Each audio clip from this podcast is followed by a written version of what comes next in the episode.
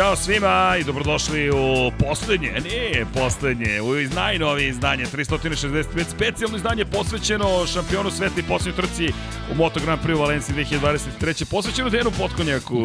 Ovo je šampion sveta, šalim se, posvećeno naravno. Nasmeo sam te. Dakle, dobro nam došli specijal, nedelja, veče, predveče, šta je, nemam pojma. Završena trka u Valenciji. Deki, ajmo odmah utisci, krenut ćemo, nemojte, vratit ćemo se mi i namazite se i pazite se i sve ostalo. Čekajte, mazite se ljudi, pazite se i vozite se i vozite račune drugim i volite se i pozdravite mame. Mama, srećan ti rođendan. Dakle, morao sam da zlopotrebim situaciju. Inače, mama nije ni gledala trku, došli i gosti. I kaže, sine, samo ti danas mi je rođendan. Rekao, znam mama, čestito sam ti pred celokupnim auditorijumom. Jo, ja nisam slušala. Rekao, tata, rekao, e, rekao, tata vam da poljubi i prenese pozdrave. Uh, deki, Kakav ti je prvi utisak? Onako na keca, bum. Uh. Pa zanimljiva sezona.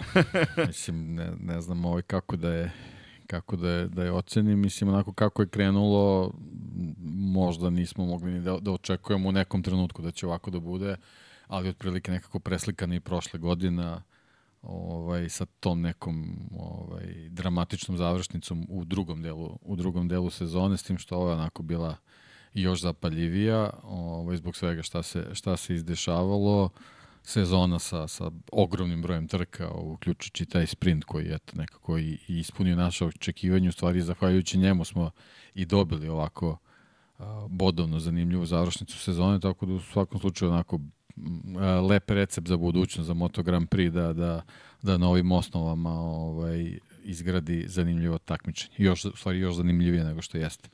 I ovaj, što se nas tiče, hvala svima koji su bili uz nas tokom ove Moto Grand Prix sezone i ekipi koje su kupljala u Gastrošoru i danas ih je bilo. Ovaj, hvala svima zaista. Ovaj, tako da, eto, i mi Moto Grand Prix ćemo se potruditi da sledeće sezone bude to još zanimljivije i organizovanije, nadam se. Uh, da, pa evo, nemamo ni špicu danas. Zašto nemamo pa, špicu? Dobro, Jurcali da. smo. Vrlo je jednostavno. A nismo još došli do onog nehumanog stadiona. Nedelja je baš nas briga. Ni, nismo hteli da uznemiravamo ni Peru, nismo ni uznemiravali. Jedino smo vladu uznemirili i, i sami sebe. Vlada se sam prijavio, rekao, stižem u nedelju, ali pozdrav za našu dragu ekipu i Nikola i ostatak ekipe, ali to, i to ćemo da automatizujemo, tako da, da samo izbacujemo i thumbnailove i špice i sve ostalo, ali nadam se da ne zamerate, muzika je tu, tako da baš smo večeri, šta sad? Ništa, pusti tam ne, ili muziku i sve je u redu, nećemo čak ni da glumimo, ne glumimo pred vama, ali da, hvala, hvala svima koji su zaista danas bili na rančččču, vidiš, to je zaživelo, sve više živi rana ččččč, tako da, tako da znaš, hashtag rančččč, svi pitaju zašto, ja kažem zato što Deki ima teču u Čortonovcima koji ima ranč, zar to nije logično objašnjenje zašto se nešto zove ranč? Da. Kakve to veze ima s tečom? Nikakve. Kakve veze ima s Čortonovcima? Ima nikakve. Kako ima s rančom? Nikakve. Zato se tako Pa dobro, zove. s rančom. Malo, neke. mala neka vezica postoji. Da. Mala vezica. Ali postoji, postoji da. vezica. Ja sam obukao crnu majicu, jer sam rekao je najneutralnija majica koju mogu da obučem tokom današnjeg dana e, i da pozdravim mog dragog prijatelja i kolegu gospodina Pavla Živkovića koji je komentarisao Abu Dhabi sam danas je imao ceo vikend zapravo zabave u Formuli 2, Formuli 1, ali ovde smo zbog Moto Grand Prix i zbog još jedne stvari, zbog ljubavi naravno moram nešto da vam kažem, jel te puštamo brkove? E pa ljudi, ja sam obavio kontrolu i ove godine zajedno sa Generalijem osiguranjem, Generali Srbije, Generali osiguranjem Srbije zapravo podržavamo celu priču o Movembru i borbi protiv raka, testisa i prostate. Pa momci, ja sam svoj deo posla obavio, ne znam za Dekija još, ali ono što mogu da vam kažem, jel te Uzeo sam... Ja sam tokom oktobra na ispitivanje, tako da... ali, ali smo dobri. Ja sam pre vremena. Evo da, da vam da, kažemo, da. dobri smo. Dakle, zdravi, pravi, meni su neku cistu našli na bubregu, pa aj brzo dodatna kontrola. Šta mi, doktore? Uplašio sam se odmah da vam kažem, nije bi bilo sve jedno. Kažu urođeno, rašće, punktirat ćemo kada naste na 7 cm, do tada miran si ali kad mi je rekao pri čemu cela kontrola, čisto da znate kako ide, izvadite krv, urade vam tumor markere, odete kod urologa, kompletan pregled mora da se obavi i sve je prošlo levo, desno, u redu je, gore, dole, oko škole, međutim, levi bubreg, imaš nešto levi bubreg? Ne, doktore, sad mogu da se našalim, e, prestravio sam se petak i subotu, e, nije ni malo prijatno osjećaj, ali takođe se rekao što sad radimo, ajmo da se suočimo sa time ako nešto postoji srećom, sve ispalo super, tako da znate, inače sakrivan sam od rođene majke, ako sluša ovo, sad će tek saznati šta se zapravo dešavalo sa mnom ova dva dana, no to uz celu ovu priču i zašto vam to govorim. Molim vas, otiđite sami, obavite kontrolu, potrebni ste ljudima i imamo naš džingl, naravno, sa, inače, inače, samo pre džingla da kažem, ko produži, to jest registruje automobil i ukoliko već nije izabere generali osiguranje Srbije, odgovorno, auto odgovornosti, dakle osiguranje, popuni formular koji je na ovom QR kodu koji je na ekranu, ode popuni formular, dobije besplatan voucher u instituciji koju izabere, zakaže pregledi, dobije dakle vađenje krvi, kontrolu kod urologa i nadam se negativne rezultate, to znači da je sve okej. Okay. U suprotnom, pa idete u bitku. Ja kažem, po dva dana bilo onako malo dramatično, ali sad je ispalo sve okej, okay, tako da p, p, idemo dalje. S druge strane, da pozdravim ekipu iz Generali osiguranja Srbije, koja nas podržava u celoj ovoj akciji, pa i ukoliko treba neko drugo osiguranje. Nisu to tražili, da ću da kažem, ljudi, Pa eto, osigurajte se tamo, makar u novembru, da ne kažem novembru, a pozdrav za Media House i Miloša. Volimo vas, hvala za podršku. I potrebno nam je, a kada reč o podršci, imamo neki like, share, subscribe i tu smo naravno nedelju kao što smo obećali. Sad znate zašto me nije bilo baš u četvrtak, petak, kao što sam negde želeo da obavim neke stvari kada je reč o fantaziju. Ljudsko telo očigledno ima ograničenja, ali da se mi vratimo ka ljudima koji očigledno nemaju ljudska ograničenja, a to su vozači Moto Grand Prix klase, evo da dam kratko viđenje stvari. Huh, kakva sezona. Sezona koja se završila tako što smo, je to live, Deki, ili nas Čekaj, fotografišeš? Ne, fotografišem, samo čekaj nešto da Foto da Deki. Jao, foto Deki. to su ti nazivi koji su nam potrebni. Foto Deki od brojeva. 2, 1, 0, pali. E, to ćete vidjeti negde na Instagramu iz neke druge perspektive. Pa kad Gino Borso i menadžer Pramaka ima kameru na sebi, kada Davide Tardoci ima kameru na Tako, sebi. što ne bi srđanerci. što ne bi neki potkonjak. Ali što ne bismo stavili kamere na grudni koš, znaš šta ono... Koja ti se više sviđa? Koja mi se više sviđa? Ovo je spontanija, ovo je nekako... Pa uvek spontanija, uvek spontanija, to smo mi, deki. To je to. Deki Japanac i ja koji sam u tajnim bojama, ali kraj sezone, eto, za one koji nisu pratili ili su se uključili nekim čudom u ovaj podcast i na pravom ste mestu u pravo vreme, dakle, završena je borba za titulu šampiona sveta, Moto Grand Prix kategorija, Francesco Peko Banjaja, istorijski rezultat, pobeda, pobeda koja mu je došla. To su one šampionske pobede. Baš sam spavam komentarisao Paja koji se sme, kaže, ne mogu da verujem, koji je gledao dok je komentarisao Formulu 1.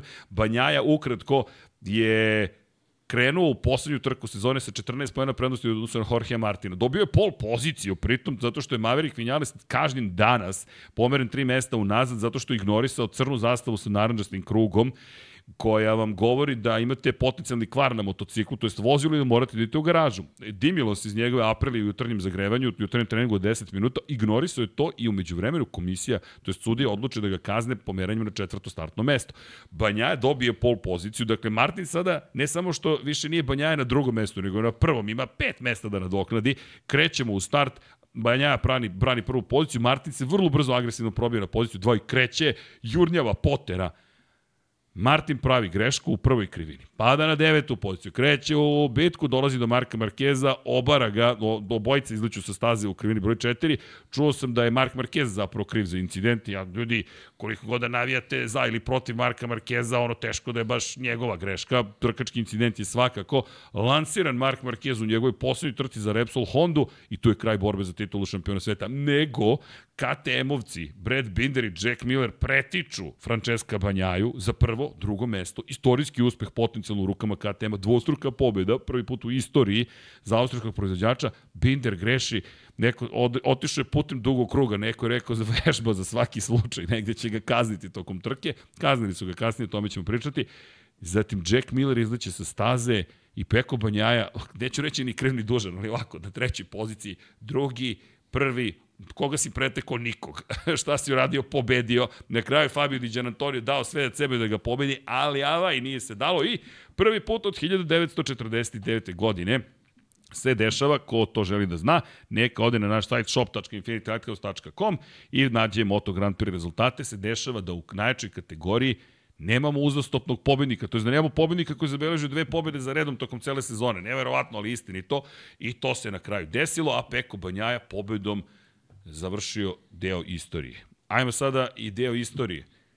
Prvi čovjek posle Marka Markeza, koga upravo gledam, imate i njegovu knjigu, i Valentina Rossi imate i njegovu knjigu u prodavnici, postaje čovek koji brani titulu u ovom milenijumu, u ovom veku takođe.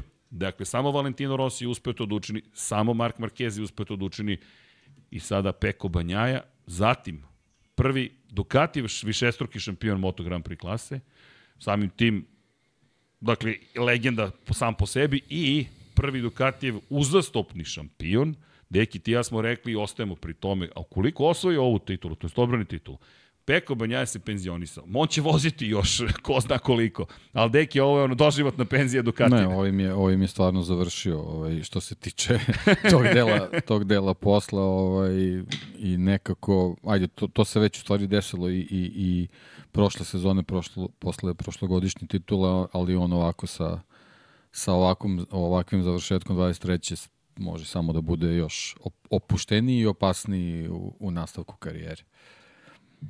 Pazi, šta još možeš da tražiš od njega? Ajmo treću za red. Pa ne, ovo je sad već stvarno ovo je što se tiče Dukate i tog više decenijskog napora, ovo je, ovo je neka kompletna kruna, ono što sam pričao i, i, i tokom ove sezone, njima je sad jedino što im je pre, preostalo da, je, da tu, ne, tu neku dominaciju te fabričke ekipe, crvene ekipe, ovaj pretoče u 1-2, na primjer, od sledeće sezone. Ok, to je sledeći da, korak. To da, je, da. I, to je korak. Trostruka da. kruna da im ponovo pripadne, da budu šampioni u šampionatu timova. Pošto je tu pramak, čestitamo. Da. Da. Prvi privatni tim u istoriji, evo, naučili smo, nije nezavisni, satelitski, da. ali prvi privatni tim kome je pošlo za rukom u šampionatu timova da dođe do titule. Sećate se, poslednje šampionske godine Marka Markeza i Honda, mnogo su slavili trostruku krunu. Titula šampiona sveta u konkurenciji vozača, u konkurenciji konstruktora i u konkurenciji timova. Ducati u to nedostaje što ti kažeš dvostruka pobjeda, prvi i drugi da budu u šampionatu sveta i ko Red Bull ove godine. Dakle, potpuna dominacija. Inače, ko je gledao veliku nagradu Abu Dhabija, 19. pobjeda u 22 trke Maxa Verstappena. Pa dobro, RB 19, 19 pobjeda. Znači, to je nekako... Uklapa se. Uklapa se u celu priču i još jedan podcast za, na kraj za Maxa Verstappena. U svakom slučaju, kada je reč o Moto Grand Prix-u, Peko je sada zaista u jednoj redkoj grupi vozača, tu su Mick Duan, tu je Wayne Rainey, Eddie Lawson, Barry Sheen, Kenny Roberts, eh, Giacomo Agostini, ko, ko, kome još pričamo, Phil Reed, ne znam, imamo zaista samo legende, bukvalno, i Mike Halewood, to su ljudi koji su osvajali uzastopne titule, Jeff Duke, dakle, govorimo zaista o, o elitnom društvu i iz te perspektive ogromna titula i lepo je bilo vidjeti Luigija Dalinju, kako uzima trofej za pobednika. Zaista je krunisana sezona za Peka Banjaj na najbolji mogući način.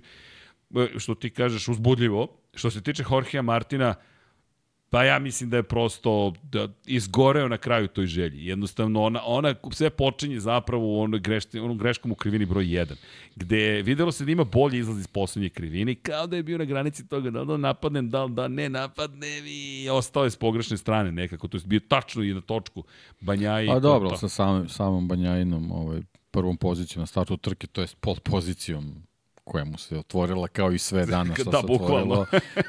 Nema šta, Jorge Martin je sa, sa, sa takvim bodovnim zaostatkom morao da ide na sve ili ništa jednostavno. Nema, nije tu bilo nešto mnogo kalkulacije, generalno ovaj, jeste onako sve završeno u suzama, ali nema, nema za čim za žali, zato što je stvarno dao sve od sebe i, i to se videlo. Stvarno je ovaj, pokušao da, da, da uradi u, ovoj, u ovu nedelju ovaj, sve da, da preokrene taj taj rezultat naravno protiv Peka je to jako teško, pre svega zbog tog sad njegovog ogromnog iskustva u borbi za titulu, tako da situacija za Martina uopšte nije bila jednostavna, mislim analizirat ćemo čitavu sezonu, ali generalno ono što smo pričali prošli put, titula se ne osvaja na jednoj trci, potrebna je čitava sezona da se, da se neke, neke kockice poklope, nažalost Jorge je u ovom nekom svom finišu, majestralnom finišu sezoni imali, imao tih nekoliko pehova nažalost ovaj, za većinu nije, nije on kriv, ali, ali je generalno tako su se stvari izdešavale, ali meni je pre svega drago što je pokazao svoj, svoj karakter i veličinu i kvalitet i stvarno se borio do poslednjeg trenutka dok je bilo moguće da, da uopšte bude u igri za, za titul. Juče je pokazao u subotu upravo taj šampionski kalibar, rekao bih, trka koja je opet ličila tako na tako mnogo na sprintu Kataru, gde je opet izgubio, nije izgubio, nije, nije imao vodeću poziciju, ali morao da pretiče na stazi, izabrao meku gumu, izabrao gumu koja je na kraju bila bolja i na početku trke bio uspešniji i taj sprint je zaista odvezao na savršen način na kraju pobedio, mnogo rizikovao. Mogli su da se vidi prosto u krivinama koliko rizikuje Jorge Martin juče, ali nije bilo odustajanja. Na kraju bio e, tako rekao bih slikovit u svojim gestikulacijama, koliko je hrabrosti bilo neophodno i spektakl nam je priredio zapravo na najlepši mogući način. Hvala Jorge Martinu na tome je uveo sezonu u finale. Jer da u sprintu nije uradio to što je uradio, mi danas ne bismo imali toliko drame pred početak trke i majestralna jeste bilo vožno što ti kažeš majestralan kraj sezone. Međutim, rekao bih da smo dobili ovim novim formatom sa sprintom sezonu u kojoj to se i vidi, rekao bih, kroz tu činjenicu da nema pobednika uzastopnih u trkama, koliko je teško zapravo sada biti na gotovo savršenom nivou. One trke u kojima smo imali Marquez pobedi 10 puta za redom ili Rossi 7 puta pa za redom. Pa dobro, ali evo, mislim, ova sezona sa sprintom nam je pokazala da, da mogu da se pojave tako neka briljantna rešenja vezano za, za takmičenje gde gde u igru ubacuješ ljude koji generalno sa samim formatom velikih nagrada najverovatnije ne bi, ne bi u svakoj prilici mogli da budu konkurentni za šampionsku titulu. Jorge Martin nam je to, to i, i pokazao i dokazao. On je jednostavno čovek sprinter. Jednostavno je tako. Nije, nije ovaj, nije profilisan da bude isključivo vozač na duge staze, naravno on je, on je ovaj, rođeni pobednik, to se vidi, ali generalno ta, ta sprinterka, to je, to je njegova prava format, eh, pravi, njegov pravi format, ovaj, to nam je on i ove godine pokazao, tako da ovaj, možda nemamo ovaj, tu istoriju vezanu za, za dvostruke ovaj, ili uzastopne pobednike na velikim nagradama, ali, ali je Jorge Martin sad postavio neki standard vezan za, za sprint trke. Mislim da će o, sezonama koji dolaze biti sve teže i teže da, da, se, da se na taj način ovaj, belaže pobede, što, što će u stvari samo dodatno uh, pokazati tu njegovu vozačku veličinu u formatima gde je zaista pogrešno potrebno ovaj nastupati što što agresivnije ovaj a to je on i u, i u subotu pokazao u stvari pokazao i, i petak kroz treninge da jednostavno uh, ok, može to da se nazove rizik, ali mislim da je da je on u stvari u subotu bio onako u, u pravoj meri Jorge Mati na, na, na kako smo ga navikli i jednostavno ta trka nije, nije generalno ni mogla drugačije se završi zato što je već i u petak pokazao koliko je spreman u stvari da tu završnicu izveze na, na svoj način i da, da pokuša da osvoji taj maksimalni broj bodova pa kako druga strana uradi ovo. Eto, na, na njegovu žalost nije, nije to sve išlo, išlo baš najbolje u nedelju, to je danas, ovaj, ali generalno kroz, kroz čitavo svoje, svoje, svoje izdanje u ovom trkačkom vikendu stvarno je pokazao da je, da je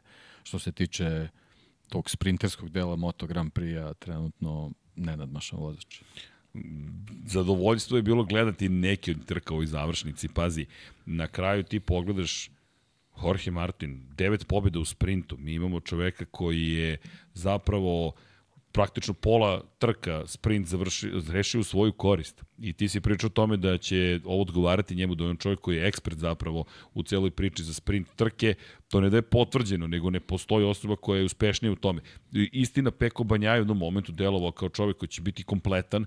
Dakle, pobeđivao je u sprintu, pobeđivao je u nedeljnim trkama, ali zanimljivo je rekao je Peko, to je bilo samo dok Martin nije razumeo kako da se pripremi za novi format. I od tog momenta kada pogledaš, Martin je taj i sada, kada počne sprint naredne godine, prva osoba koju ćemo gledati, verujem svi bići gde je Jorge Martin u celoj ovoj priči, bez obzira na startnu poziciju i ta potrošnja guma, sve ono što si rekao, Martin za sada čovek koga treba pobediti u sprintu, e sad, nedelja, to je ono što mi je zanimljivo što ti kažeš sad ko sve može da uskoči u nedelju u priču i da nekako zaokruži to u svoju korist. Napravit ću digresiju planski, ko nije danas iskoristio u svoju korist u opšte situaciju. Moram da se na kratko osvrnem, samo na dvojicu ću se osvrnuti na Breda Bindera i Jacka Millera.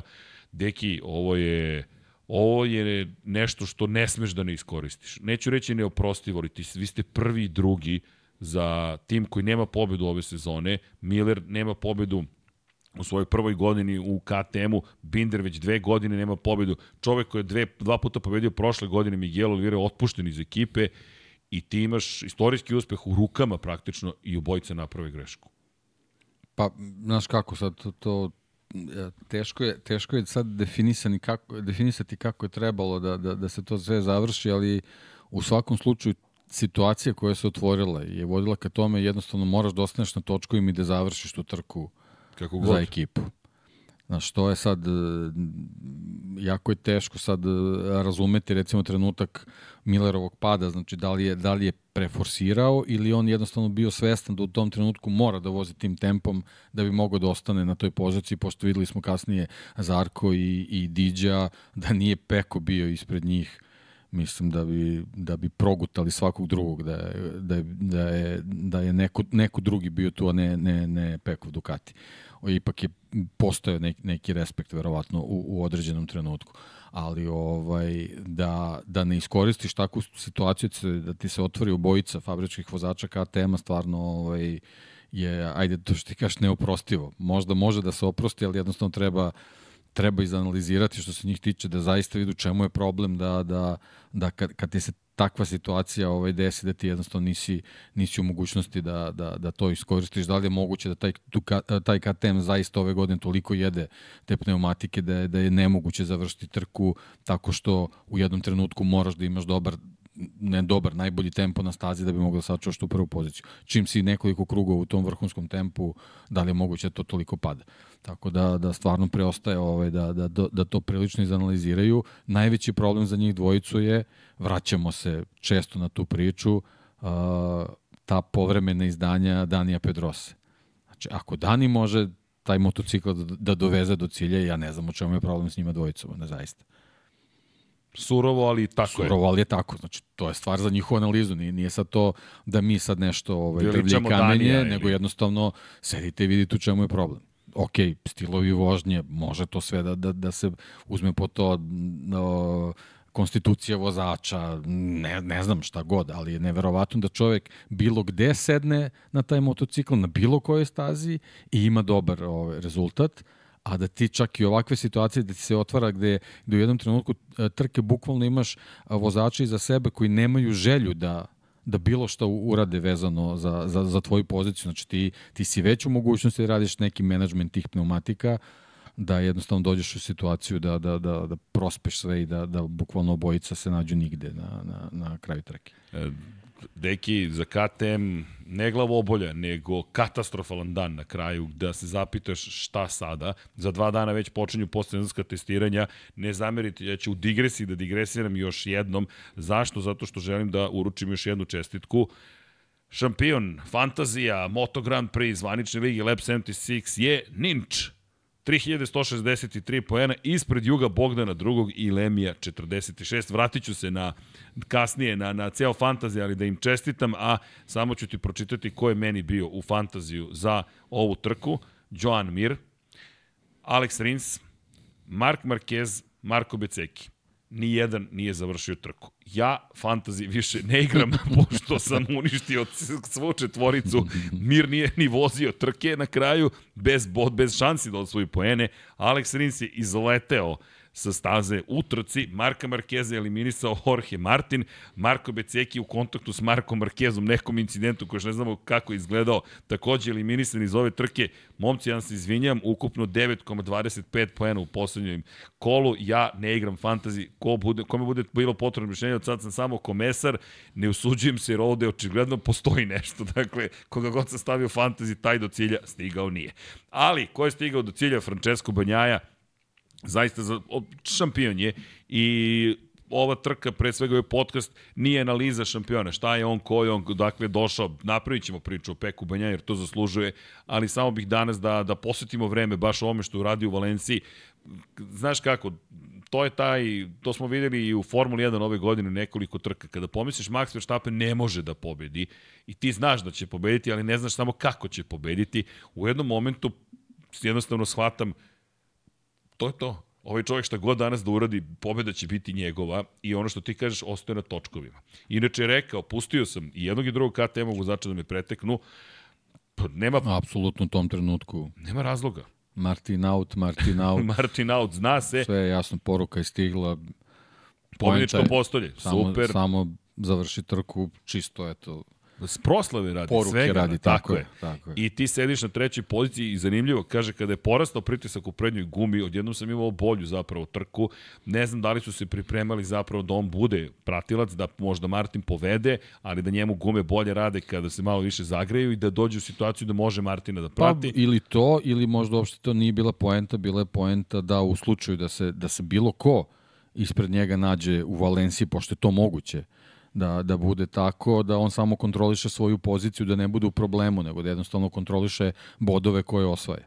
Jer, njemu je, njemu i ta igra bila, bila sasvim dovoljna, tako da to je u većem procentu bila verovatnoća će se to desiti nego da će voditi, tako da ovaj, apsolutno sjajno odigrano što se tiče nedelje, posebno što je olakšana situacija bila zbog, zbog Vinjalesove kazne, tako da ovaj, sve besprekorno urađeno, naravno Martin je to olakšao onim, onim ovaj, kočenjem u, u to je promašenim kočenjem u prvoj krivini, ali dobro i da, i da nije bilo tako, Peko je bio na poziciji gde apsolutno može da kontroliše čitavu situaciju. E, Deki, moramo da čestitamo Bredu Binderu na pobedničkom postolju u Valenciji. Fabio Di Antonio upravo kažnjen, pomeren je 3 sekunde unazad, pošto je bio previsok, prenizak pritisak Aha, gumama. Eto. Tako da, Brad Binder je znao šta radi, zapravo ovo je bila borba za plasman da, na znači pobedničkom postolju. Da, znači rekao da nisu nigde, ne važi više, ipak su stigli na pobedničkom postolju. Jer to je naravno Moto Grand Prix da. i to je nešto što su poslali kao upozorenje Aleša Spargaro kao predstavnik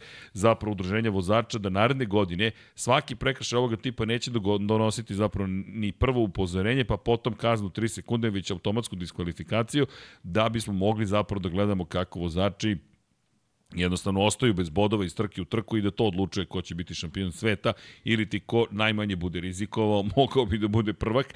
Kako god, o tome ćemo pričati u najavi sezone, ali eto čisto da konstatujemo Fabio Di Antonio zapravo je ostao bez pozicije broj 2, ali nemojte zameriti trkački gledano, čovjek je odradio danas odličan posao. U to bi bila ironija da je pobedio. Zamisli da je pobedio dodeljen ne bi pritisak takav bi. A i to što kažeš, ne, ali onda bi bilo još gore jer bi mu pao još više. Kako su uspeli da imaju... Pa ne znam, da, zavisi, da, zavisi ne, kako su se od, izigrali sa pritiskom, ali da je, da je bio na drugoj poziciji možda ne bi tako odreagovala guma. Ko e, zna? Da, ko zna, kako god da, pogledate... Vidiš da nije, nije tipična reakcija ne, Nevjerovatno je zapravo šta se događa ove godine s Mišlenom, ali oni to moraju da pa reše dobro, u stvari, ko to, ko to razume, ovaj, ima, ima dobitnu kombinaciju. Pa, to, to ono što ja, Aleš Espargaro kaže, ali eto, sad sam upravo video vest. Rekao da proverim za svaki slučaj da se nešto nije desilo umeđu vremenu i pogledam Fabio Diđan Antonio zapravo diskvalif. Nije diskvalifikovan pomeren unazad. Kako god, Diđa, dakle, nije više na pobjedničkom postolju, Brad Binder jeste, Pa, ajde da vidimo. DJ bio na pobedničkom postolju. Bio je, popeo se on gore to, isprskao, popio pro, seko, možda je dao i izjave. U principu vraća pehar. To, ali, da, nažalost. Ali dobro, njemu je ovaj finiš sezone stvarno da je, da je mogu da očekuje da će ovako da bude, možda bi se više potrudio tokom, tokom sezone, ali ovaj, on je ostavio taj utisak koji treba da ostavi. Da, inače evo imam pitanje da li ću biti na testiranjima, pa već imam avio karte za Valenciju, trebalo bi 12 da sletim u u Valenciju i da budem za popodnevno testiranje tamo, ali moj dragi kolega i prijatelj Aleksandar Đankić će komentarisati iz kabine u Beogradu testiranja, bit će na kanalima Sport kluba od Sport klub 3 od 14.00 do 17 časova i 15 minuta. Ja ću večeras na Sport klubu 6 komentarisati i gala veče, veče se ne završava za mene, dakle, ali ne smeta, imaću i priliku da komentarišem koncert, eto, to je, to je nov, nov, nova zabava, pridružite mi se, dakle, ej, možda bih mogao da streamujem kako komentarišem. A? Šta kažeš, a? Može, tu može. zabavu još nismo imali. Streamovanje i komentarisanje. I onda vam odgovoram na pitanje Jesi u četu. to može zbog muzike te? Pa neće se čuti Aha, ništa. Pa Čujem da, se samo ja, samo ne čuje se. A da, u stvari I te ton se ne čuje, da, tako da, je, da. tako je, tako je. A pa može, da, to je može. simpatično. Da, šta sad? Ko, da, da. Uh, streamujem... A ti sredi... Ne, ne, ne, ne, upalim uh, kameru, kameru na, na, na laptop. laptop Umer, kameru na laptopu, a korak dalje, imamo kameru 2. da, da, da. BTS, behind the scenes. da se snimi, ali ali, ali dobro. Nisam siguran da to smem da uradim, ali pitaću ako mi dozvoleš to da ne, da, da se streamujem. Tako da znate Ali kada je reč o generalno testiranjima, da, trebalo bi da bude, da samo da mi avioni ne kasne, dakle, pošto je onako tajt, u 6.05 polećem, inače pošto poslovno idem zapravo za Španiju i nekim drugim poslom, pa sam sve to spojio u jednu priču, u sredu sam u Barceloni, u četvrtak sam u Madridu i tako, turneja po Španiji zapravo, to je, to je, to je sada uh, priča, ali dobro, to je, to je neki drugi posao kojim se bavim i tako. U svakom slučaju, idemo da vidimo i Marka Markeza na Ducatiju i Franka Morbidelija na Ducatiju i ne znam koga na VR46 Ducatiju, to ostaje kao pitanje i Luku Marinija na Repsol Hondi. Da vratit ću se naravno Peku Banjaja, ali da ispoštujemo sve učesnike ove trke, moram da se osvrnem kratko na Marka Markeza, izbrčen sa staze, u poslednjoj trci trebalo da bude emotivno, uspešno, činilo se da ima šansu možda da se bori za plasma na postoje. Ko zna kako bi se otvorilo trka uz sva ostala zbivanja, ali trkački incident. Lansiran, vrlo ružan doskok, ako tako mogu to da nazovem, ateriranje klasično i uplašio sam se kad se vidio do šepa, rekao, nastavlja se agonija za Marka Markeza, međutim, bio je u garaži Repsol Honda, deki, zatvoreno poglavlje, jedna velika era, neslavno završena, ali rezultati dalje ostaju. Šest titula su zajedno osvojili, i Kaciga je to oslikavala 2013. 14. 16. 17. 18. 19.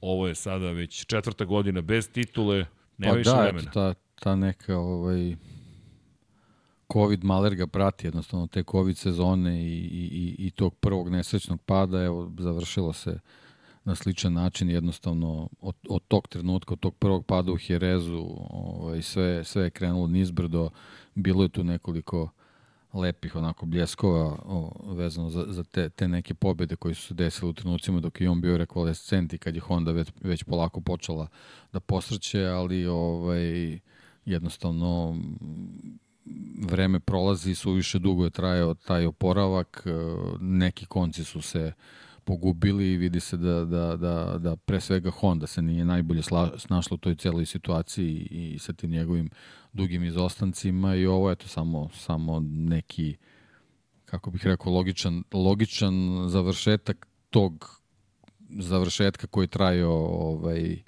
bukvalno četiri, četiri sezone, ovde na ovoj trci se videlo ono, ono, ono klasično što je on rekao, ako oseti da može se bori za, za neki viši plasman, neće, neće moći protiv sebe da bude samo čovjek koji će da završi trku, nego jednostavno stvarno se trudio da, da, da ovaj uradi uh, najviše što može, ponekad naravno i, i, i više od, od mogućnosti sebe i motocikla i generalno ovaj, očigledno još od tog kontakta sa, sa, sa Becekijem koji, koji nismo ni videli da, da je jednostavno čitava ta, ta trka do tog pada je trajala malo konfuzno za njega dok, dok je u stvari našao svoju poziciju u, u tom čitavom uh, čitavom haosu u, u, u, u formiranju ovaj kolone iza i za Peka Banjaje i eto onda se desio taj kontakt sa Martinom koji se i neplanirano i našao tu posle svoje greške iz duela sa Martinom i jednostavno kad se susretnu tako vozači sa, sa, sa tako sa tako visokim ovaj ambicijama često dolazi do tih kontakata. Ovoga puta očigledno da, da, da, da je neko tu preterao s obzirom da je Marquez bio, bio ispred uh, ne znam ovaj, koliko tu neka njegova greška može da bude osim, osim te želje da nijednom trenutku ne prepusti poziciju, što niko apsolutno ne može da mu zameri. Jako nezgodan kontakt, lansiranje sa, sa motocikla i stvarno ovaj, to ateriranje onako baš uopšte nije delovalo naivno, ovaj, ali nekako i to je u ovaj, u stilu Marka Markeza, oni kad, kad padne, ne može da padne ne može da padne nor, da, jednostavno, on kad pada, on pada da sa šestog sprata, tako da svaki put je svaki put je tako očigledno do poslednjeg trenutka pokušao da ostane motociklu i onda i onda se to to često dešava na na na isti način tako da nekako eto to se sve sve stavilo pod, pod tu tu istu priču da da da ovaj što se njega tiče u, u Hondi, znači može da bude samo ili, ili maksimalan vrh ili, ili tako, tako neki ovaj, neki problem koji jednostavno je i doveo do toga da, da kad, kad se to sve skupi da, da on jednostavno mora, mora da promeni sredinu i da proba da je tu nekim završnim sezonama svoje karijere u Moto Grand Prix pokuša da bude da bude onaj stari, da li će to biti Ducati do kraja ili će možda posle sledeće sezone promeniti ovaj nešto vidjet ćemo, ali, ali generalno i ova trka pokazala da mi možemo da imamo Marka Markeza koji dalje ima želju da se bori i Marka Markeza koji će predstavljati veliki problem svojim rivalima, znači daleko od toga da se on predaje od bilo čega, tako da vidjet ćemo već ovaj, za, za, za, za nekoliko meseci u stvari da li, da li možemo ikada da dobijemo ponovo onog starog nepobedivog Marka Markesa. Da, i danas tabla koja je stajala u garaži i napis, pisalo je neponovljiv put. I zaista yes, taj zaista, put da, neponovljiv. Da. On je čovjek osvojio prve dve svoje sezone u karijeri Moto Grand Prix vozača dve titule, potom došla je ta čuvena 2015. kontroverzna i ne samo kontroverzna, rekao bih vrlo značajna u, na, na, načinu, u načinu na koji je njegova karijera nastavljena. Da, da, 2013. Pročitajte kako je izgledala prva godina Marka Markeza u Repsol Hondi. Nismo ni znali ovo se da postaje kultno izdanje zapravo, jer opisuje put koji se završio, ili možda i nije, ne znamo. Rekao, odbijam da kažem da je ovo poslednja sezona u Hondi. Objavljena je nova knjiga o Marku Markezu, mi ćemo je za sada ignorisati. Zašto? Zato što mislim da smo na polovini njegove priče, kakva god da jeste, i da traješ samo jednu sezonu, to je ipak priča koja ta za takvog šampiona zaslužuje da dobije neki zaključak, kraj kakav god da bude, pa onda da se ponovo bavimo knjigom o Marku Markezu. Međutim, kada je reč o Ducatiju, utorak ćemo već videti mnogo toga. E, koliko god Marquez možda hteo sada da bude suzdržan, opet se, ovo što si lepo rekao, vraća ista priča. I, I opet je rekao, da, rekao sam da ću biti, da neću rizikovati, ali znate me. Jednostavno, to je Mark Marquez. Ne, on čim, čim oseti da postoji šansa, šansa jednostavno svi vidici se to, sužavaju to, to, i otvara se samo samo taj jedan nišan i, i to je to. I ovo, u stvari i, ovo, i ovaj, ovaj duel sa Zarkom i sa Martinom u stvari pokazuje koliko sledeće godine Dukativim vozačima s njim uopšte neće biti lako i zato sam ja i dalje skeptičan da li Ducati napravio pravi potez što je odlučio da njega dovede u to jato gde, gde već ima vozača koji su onako prilično željni dokazivanja, znači imaćeš Becekija, imaćeš nadam se Diđan Antonija tu, znači trebalo bi da imaš oporavljenog Bastianinija, Uh, tu ti je Martin ponovo, tu ti je Peko Banjaja, znači u tom, toj celoj priči samo ti fali Franco Mark Morbidelli. Franco Morbidelli, znači Franco toj čitovi, čitovi priči ti samo još Mark Marquez uh, nedostaje koji već možda prilikom svog prvog sedanja na Ducati može da, da, da zaista proceni da, da je da je to motocikl za nove pobede i ja mislim da, da će svi ostali biti u velikom problemu ako to bude tako. E, kada govorimo o rešenju za VR46 ekipu, samo ću da kažem sledeće, a to je Da, Valentino Rossi sedne na drugi motocikl. da. I to ću da. da citiram Zeku 75, dakle, koji je, dakle, koji je, to je prvi rekao. A da, to je sad već sve pomereno, znači to je trebalo da bude Marquez, Marquez, Rossi, Marini. To je tako to, to, trebalo da bude. E da, Alex Marini. Ali već da, su Marini, Marini su trebalo da ostane Marko Beceki da. u Repsol da. Hondu i onda Marini Rossi protiv Markeza Markeza, to bi bilo fenomenalno. Ali dobro, to je, to je, to je vrlo zanimljivo i da vidimo da li će do Honda dati Luki Marini da. u tu Hondu Valentina Rossi. Ne, ne, bit će jako zanimljivo, mislim, taj čito prelazak Markeza, Marka u, u Gresini, mislim da i taj detalj bitan, videli smo Gresini, evo i na ovoj trci su pokazali, znači ekipa sjajno funkcioniše, zaista, čak i kad se dimi motocikl, da, da je to sve... E, a čekaj, ja gledam onaj diđen motocikl, pitan se, da li negde spustio tamo, petu pita, slider, pitaću šta dimi, ljudi. gde baca ulje, šta se desilo? baca na masu.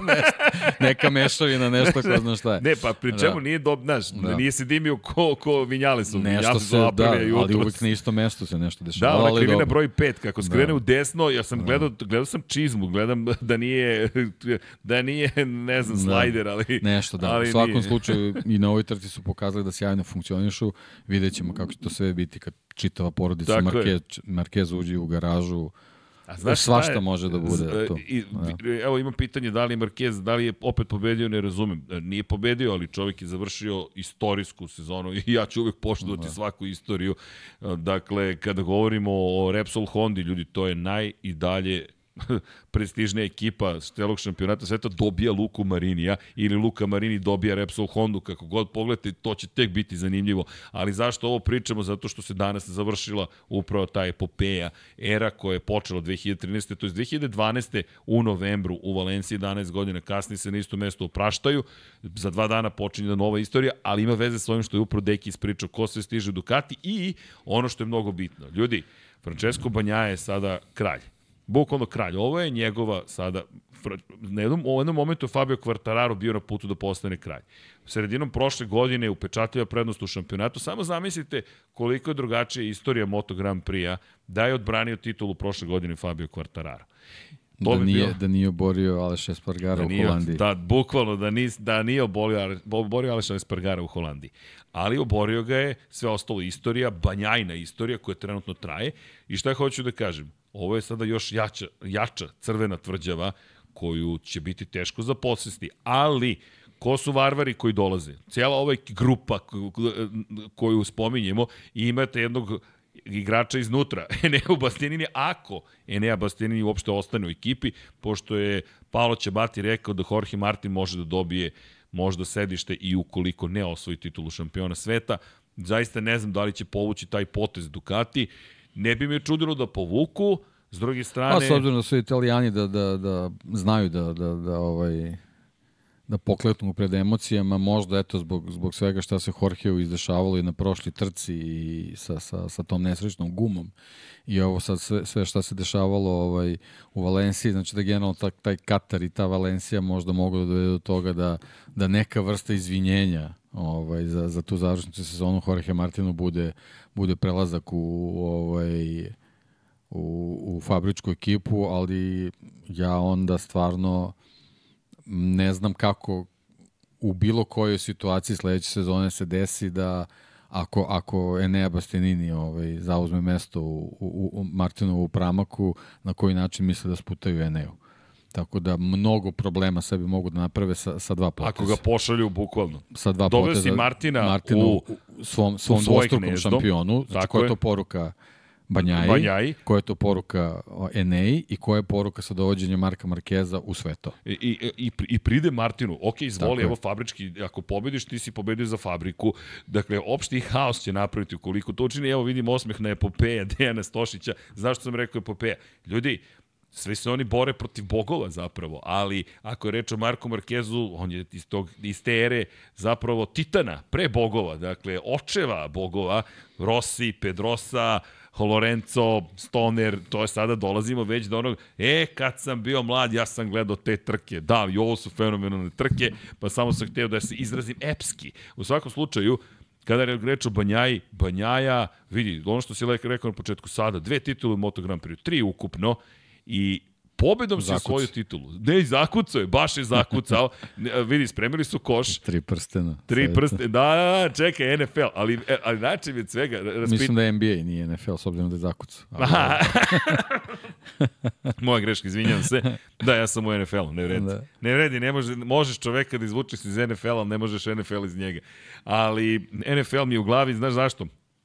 Gledam nešto u Valenciji, ko sve igra koji sport i nađem dve ekipe američkog futbala u sred Valencije. Rekao, ok, nisam imao pojma o ovome, ali činjenica da Valencija eto, ima i timove američkog futbala. Kako god pogledaš, tri prstene šampionska su tu za Francesca Banjaju, treća zvezdica stiže, još si sigurniji, pri čemu Bastianini je došao, trebalo je on da bude ta zver koja će te pojesti u tvojoj kući, nije se desilo. Trebalo je onda Martin da te pobedi kao privatnik, nije se desilo. U ključnim momentima, pogotovo velika nagrada Indonezije, Martin vodi, ti si 13. na startu.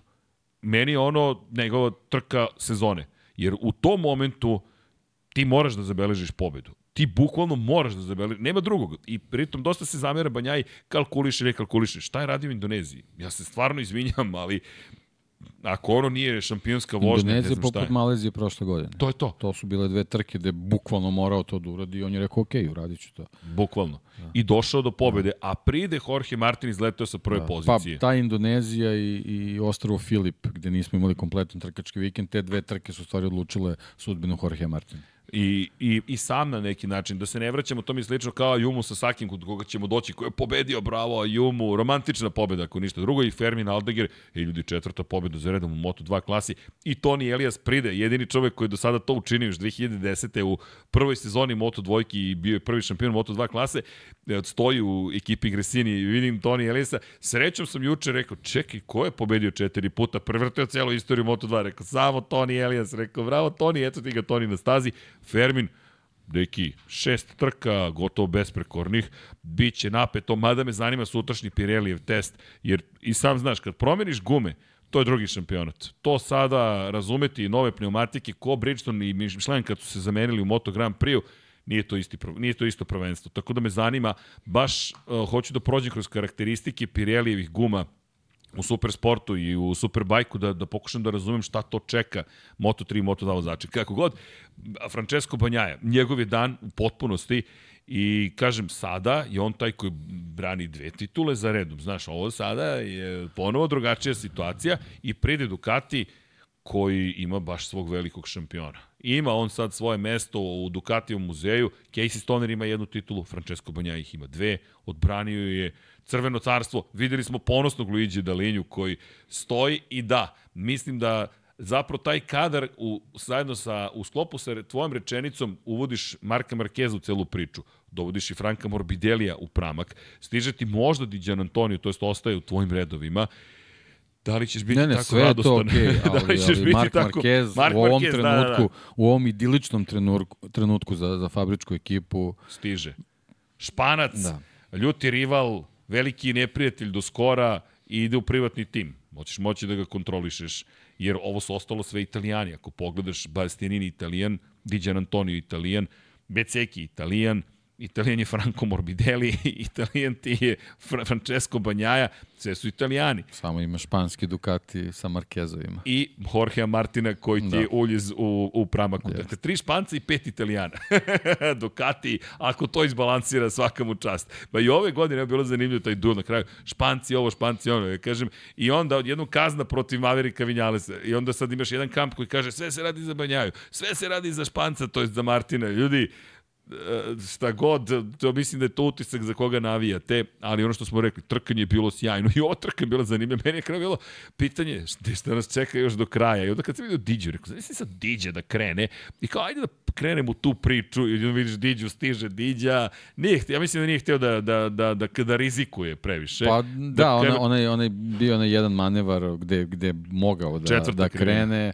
Verujem da bi, da bi Peko tu ispravio motocikl, ali Diđa ipak ovaj, shvatio da nešto i pad nije isto, tako da mislim da je i to me, a evo na kraju ispalo je dobro, zamisli da, da su mu uzeli pobedu. I zavisi da je, To bi da je oborio da. Banjaju Da. i da Pa su mu oduzeli pobedu. Pa i sebe da je oborio, jednostavno razmišlja o sebi. Znači, poenta je bila to što smo pričali za KTM. Poenta je na točkovima da dođeš na, na poslednji cilja. trci sezone, posebno ako si dobar u njoj. I evo dobro, eto, Binder je nešto je, nešto je iščupao, ali Miller stvarno neverovatno i, i nerazumljivo. Da. Da. Ali još, još jedan razlog da se pitamo zašto Pedro Acosta nije dobio taj motocikl. Evo, mi sad možemo otvoreno i, i direktno pričamo o tome. Čime je Jack Miller zaslužio da ostane sledeće sezone na, na tom motociklu? 11. u šampionatu. Znači, Previše. pitanje za njega, znači sad sastanak posle trke, znači evo, evo ti nam reci zašto ti trebaš da voziš sledeće godine fabrički KTM. E, Da bih imao navedi posao. pet razloga i nikakav problem. Evo imam ja dva, imam tri. Da bih imao posao, da bi bio jedan australijanac u šampionatu sveta i da bismo imali Jacka Millera, pošto je uvek zanimljivo kad je Jack Miller tu. Mada Jack Miller je prestao da se pojavlja u kadrovima, tako da čak ni ne možemo da kažemo da ga vidimo. I taman sam pomislio, najzad Jack, ajde u nekom trenutku malo i da ti se osmehne Stvarno je delovao dobro, baš je dobar tempo imao i, i, I lepo je nekako napao delovao je Bindera na sigurno je Da. delovao na motociklu i, i odličan je start bio i sve, sve je bilo kako treba, ali eto, jednostavno ovogodišnji, da kažemo stari Jack Miller, na svakoj trci je Jack Miller. E, Vratit ću se ponovo na Banjaju. Poslušaj rezultate od Japana. Drugo mesto, govorimo o nedeljnim rezultatima, pobeda, drugo mesto, drugo mesto, treće mesto, drugo mesto, pobeda.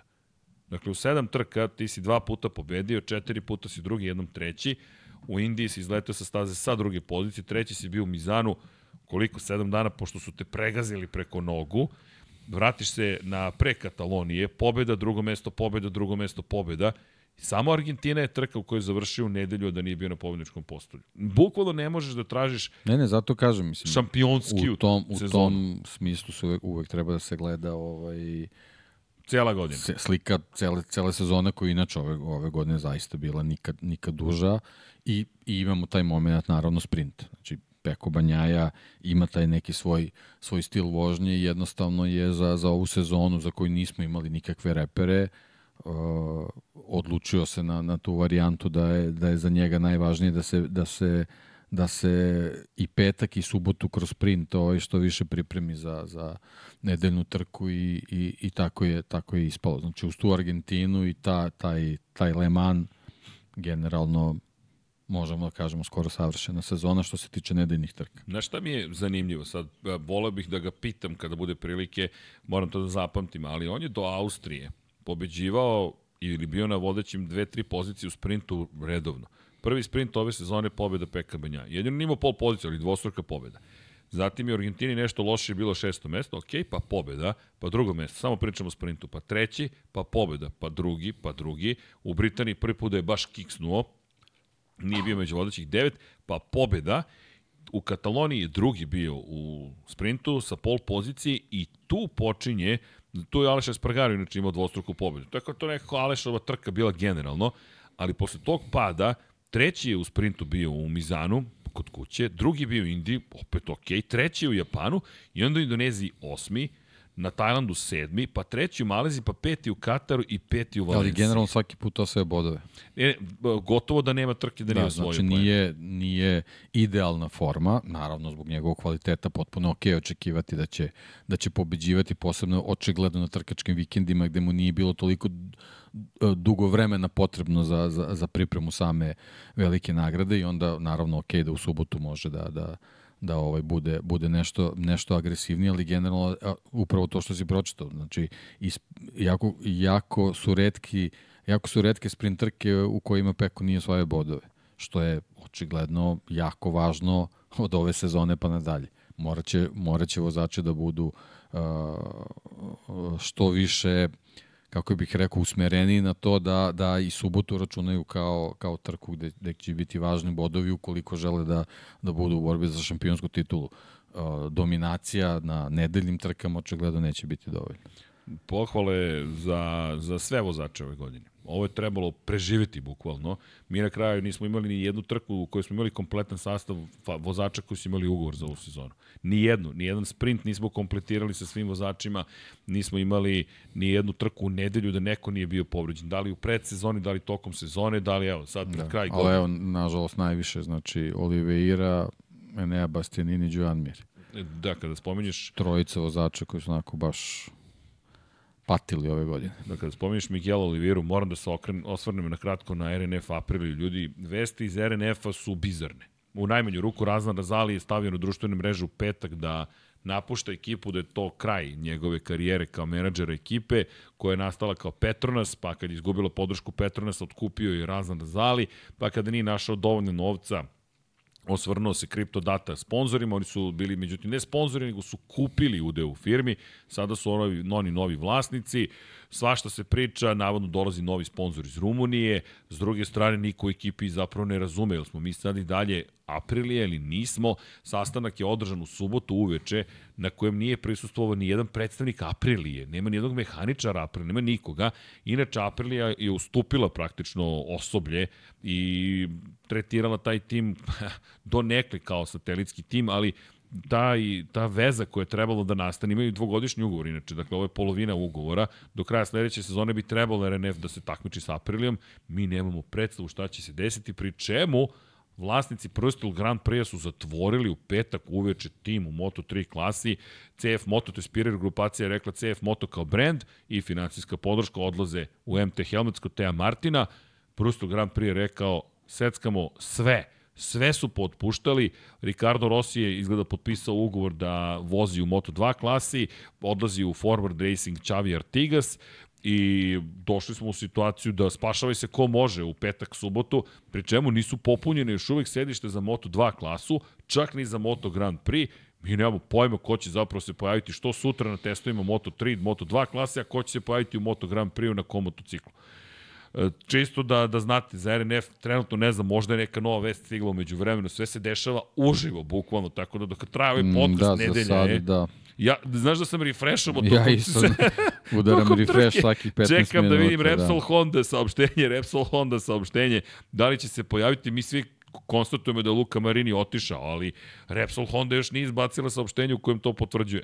Dakle, Luka Marini, logično nam je da, da se to dešava, ali kada govorimo o, o Luki Mariniju, nismo još dobili potvrdu. Ono što je što bih dodao u cijelu ovu priču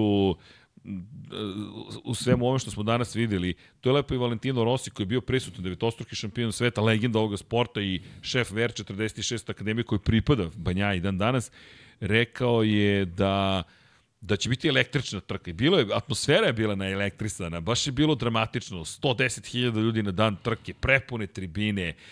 Ono što je meni fenomenalno uvijek volim, znaš šta volim? Kada se iznad garaža, tamo gde je VIP zona, gde su terase, kada se sve popuni, kada vidiš, nismo došli da jedemo jagode i pijemo proseko, nego smo došli da gledamo trkanje. I svi vi se ovako preko ograde, ne bili fotografisali vozači ispod, svi su na... na... Generalno Ricardo Tormo je staza za motociklizam. Baš je pravljena to je za to. to.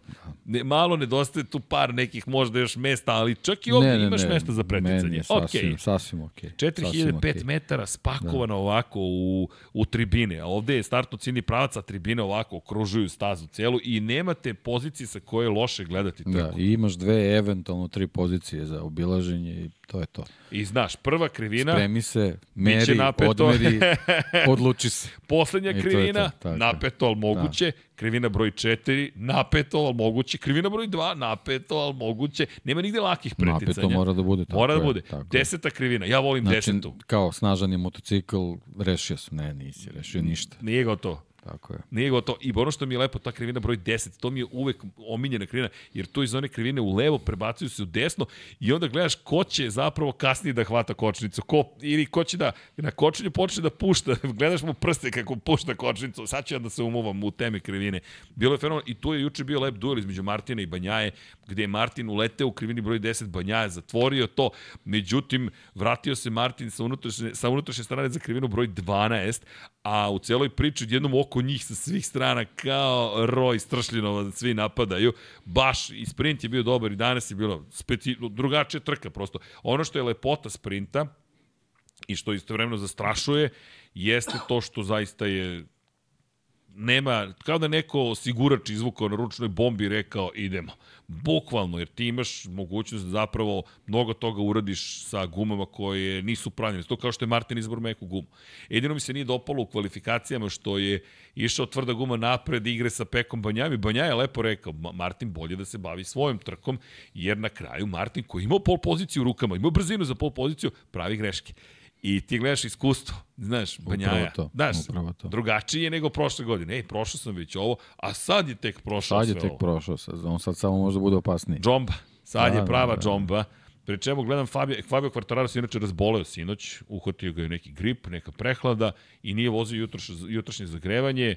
Na kraju završio među svačima poena, ali početak je tek ovaj utorak, ja bih rekao, za Fabio Quartarara kako god vraćat ćemo se naravno na, na, na celu sezonu naredne nedelje, inače neko je pitao da li će utorak biti podcasta. Utorak ja bih volio da se uključimo, makar da vam damo izveštaj sa testiranja, fotke da vam pošaljem, da stavimo to sve u podcast, vidjet ćemo da li ćemo šta ćemo izvesti, nećemo, ne, ne, ne mogu ništa da vam obećam, možda se ja sam uključim sa staze, da vidjet ćemo kako će biti situacija, ne znam ni, ni gde ću biti tačno u tom momentu, ali e, kada se govori zapravo o o podcastima sutra, redovni podcast Formula 1, neko je napisao nema potrebe. Mora, kako, kako, kako ne, molim vas.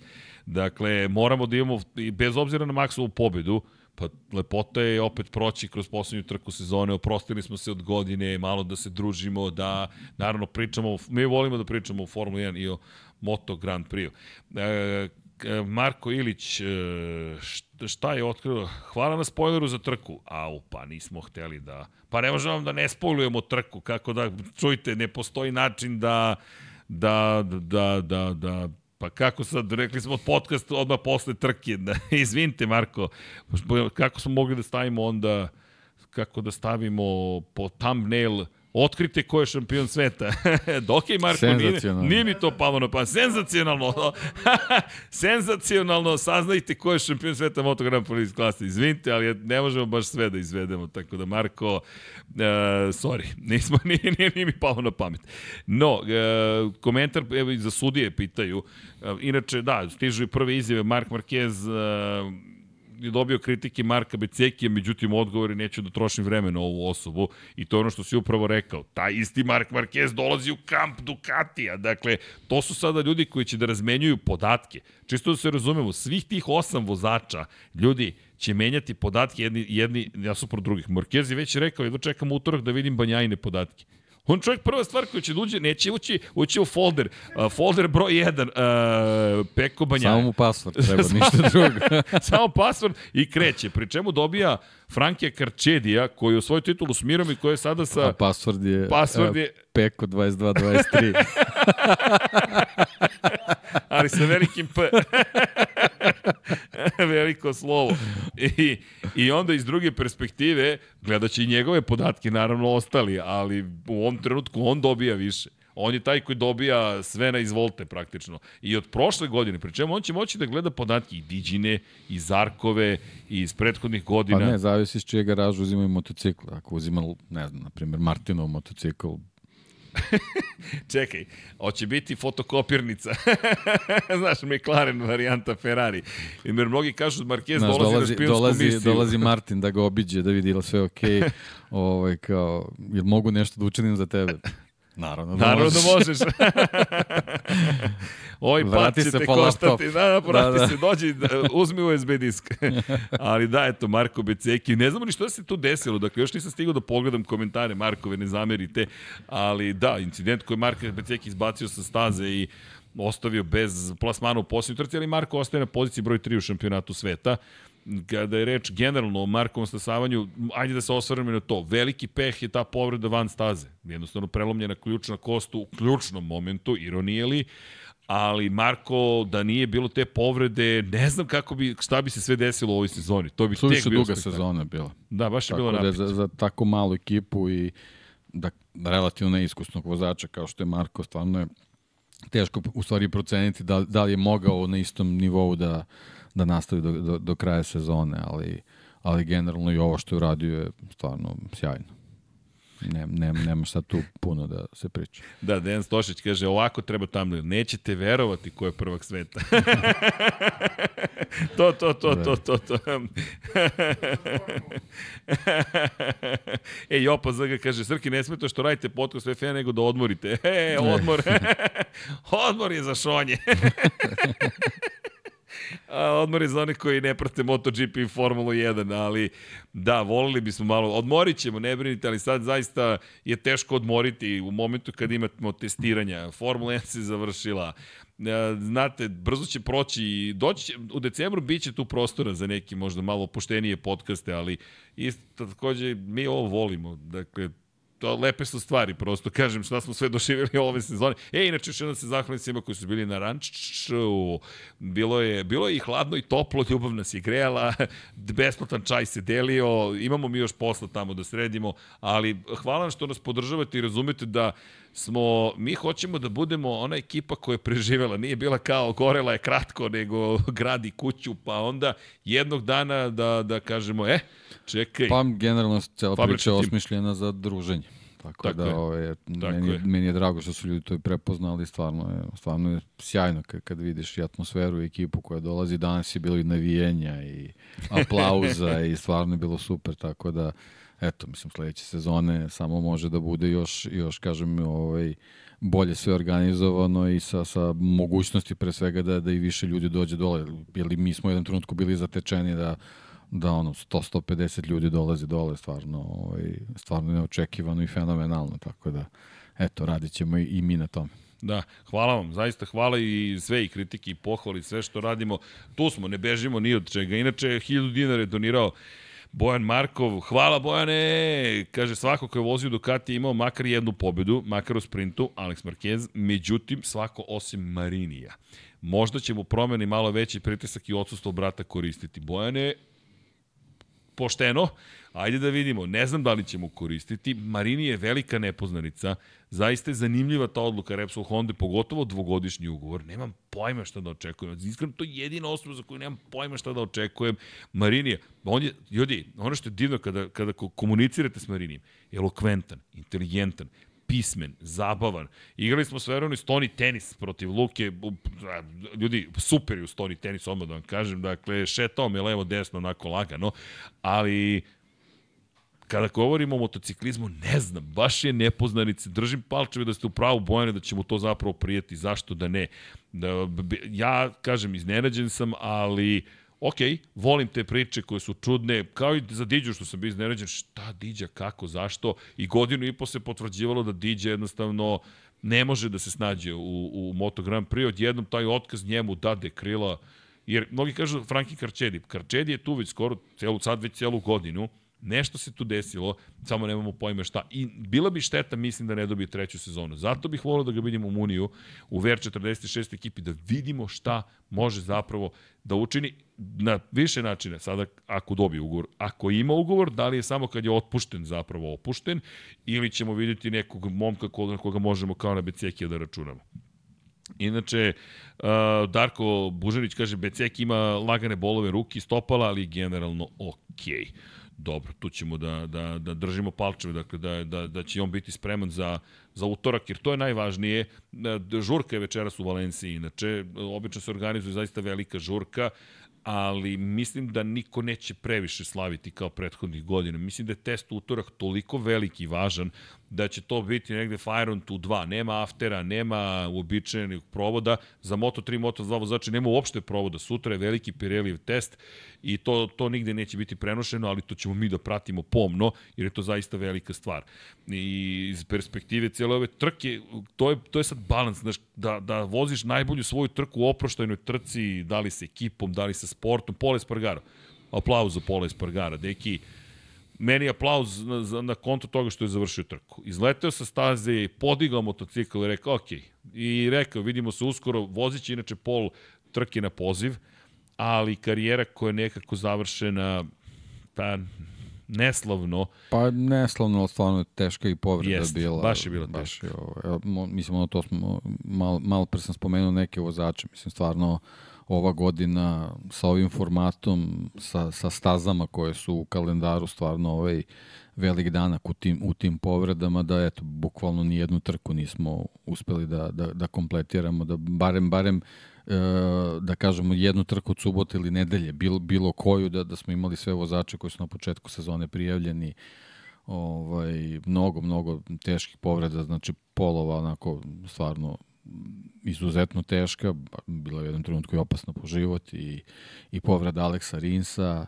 i serija povreda Joana Mira i, i teške povrede, dve teže povrede Miguel Olivire, dve teže povrede Enea Bastianinija, prelomi koji su imali i Beci i Luka Marini, tako da stvarno mislim ovaj Moto Grand Prix u, u tom smislu postao veoma, veoma zahtevan za vozače, a, a, a kažem samo od sledeće sezone sa tom sve, sve jačom i jačom konkurencijom ovaj, sa tim promešanim kartama sa vozačima na, na različitim motociklima gde može ovaj, stvarno da, da, da, da se desi situacija da imamo još neke konkurente generalno za pobede, ovaj, baš može da bude onako eksplozivno i zapaljivo.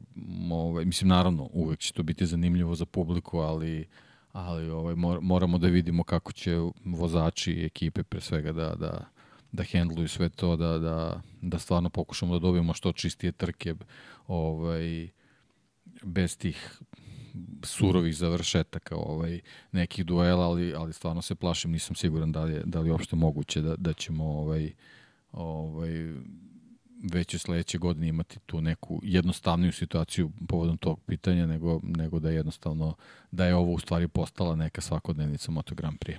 Da odgovorim na još jedno pitanje, zašto je, kada već spominjemo ko, gde, šta, kako, zašto, Franco Morbidelli, čime je zaslužio da dođe u pramak ekipu. Dosta jednostavno, bio vice šampion svoje vremeno i član je Akademije VR46, italijan je, šampion je sveta iz 2017. godine i ima dobre veze u Moto Grand Prix.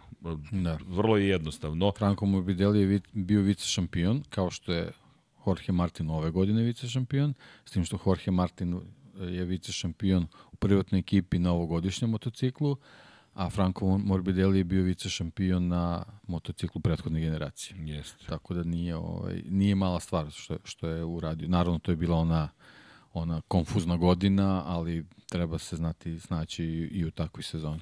I to je neka i na stare, na staru slavu. Ako se dobro sećam, i bio igri takođe do poslednje trke, tako? E, jeste. Sa, sa Mirom. E, ne, do, do pretposlednje, do Valencije. Trke, do, da, kada je da. pobedio da. Mir, kada je pretekao Rinsa u 11. i krivili baš u Valenciji, tu se završilo. Uh,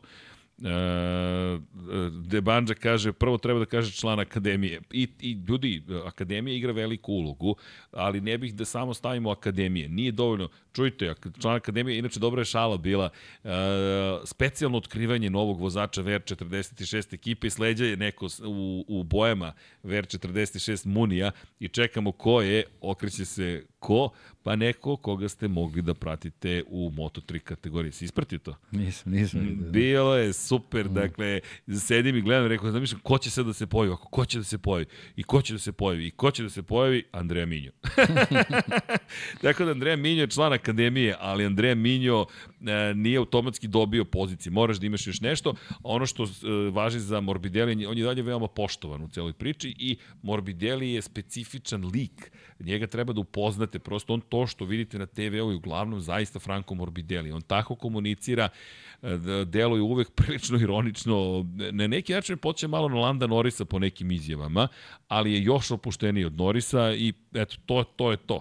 Ali kada govorimo o, o, o zaslugama, znate šta, sledeće godine test za sve. Ja jedva čekam. Ne, ne želim da pobegnem preterano brzo u 2024. pošto zaslužuju i Banja i ostali koji su uspeli ove godine da postignu dobre rezultate, da se priča o njima, ali činjenice da eto, Morbidelli hajde da vidimo šta će tu da se desi. I ima pitanje za sudije, šta sa sudijama?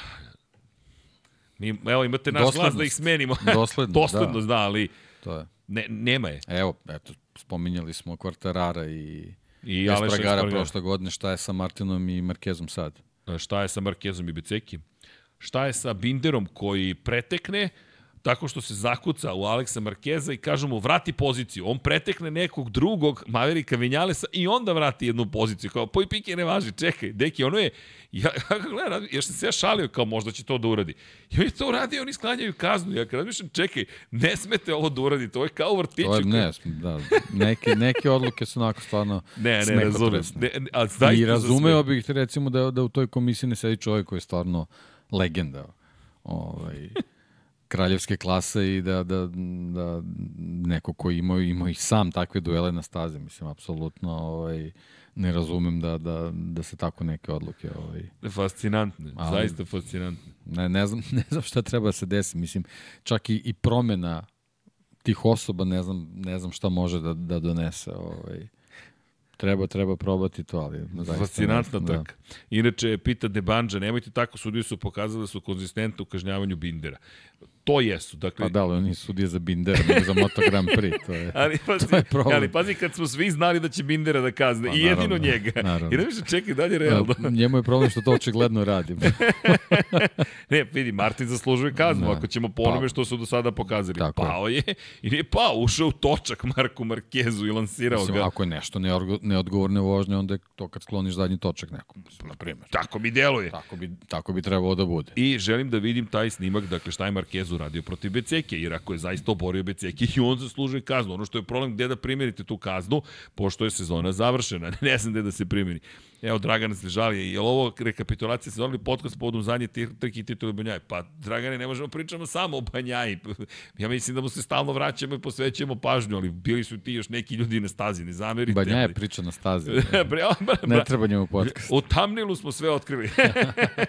Nismo krili, ali E, Francesco Bonjaja, pa ne znam dok ste stigli u podcastu, već smo pričali o tome i kakva je titula, i da je deo istorije, i šta je postigao, i da je on njegova tvrđava, i da će ga biti teško pobediti. I pa da je... ne, i, i ima, ima i tu taj fenomen koji se provlačio tokom čitave sezone, to je ono, ono o čemu smo pričali, nije sve jedno koji Ducati pobeđuje.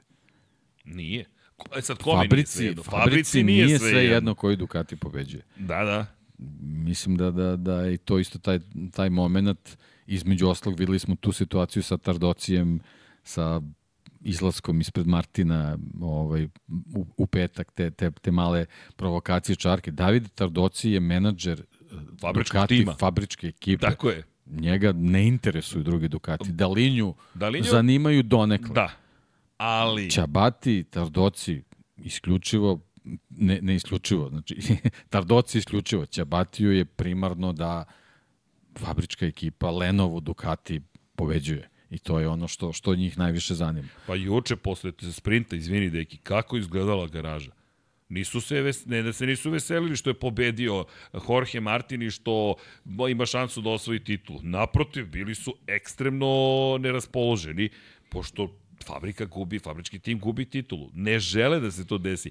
Ali ja i dalje kažem, svaka im čast na tome što se trude i dalje da, da, da ponude motocikle svima i da kažu, e, ljudi, ajde da pokušamo da ovo bude što izjednačenija bitka. Izvini, deki. Reci, mogu da... Hoćeš da... Nek ostane kadar na tebi, ja ću samo da... da... Sad ćemo mi to da sredimo. Jel imaš pri ruci ili? Sve, e, dobro. ćemo ostati bez struje. Sad sam shvatio. Dobro. Čupo, čupo sam kablove, ne zamerite. E, si uspeo? Sredio sam sve. Dakle, kada je reč o, o, o tome, ti si u pravu, fabričkom timu najvažnije da pobedi fabrički vozač. Inače, e, najnovija vest od jutra si bila za kako je Martin mogao do titule, ne, do, ne, do, do crvene boje sledeće godine. Ne samo zahvaljujući činjenici da je neko to rekao, već je navodno prošle godine kada se bila bitka između Enea Bastianinija i Jorgea Martina, to se sad već zaboravilo, ko će u fabrički tim i kada je Bastianini dobio ugovor, Martin je tražio da ukoliko osvoji titulu šampiona sveta, da se doda paragraf, da automatski prelazi u fabrički tim. I što kaže Luis Duncan iz motorsporta, tad je to izgledalo tako daleko, gotovo nemoguće, da su slušali Lab 76 i Dekija Potkonjaka, znali bi da mu daje šanse zahvaljujući sprintu. I još jedna bitna stvar u celoj priči, i dalje postoji ta opcija, navodno Bastianinija bi mogli da presele, mada ja mislim da se to ipak neće desiti. Mislim da bi sad bilo baš problematično, previše promenjivih u poslednjem trenutku. Evo dobijem informaciju da ima snimak na, na X-u kako incidenta između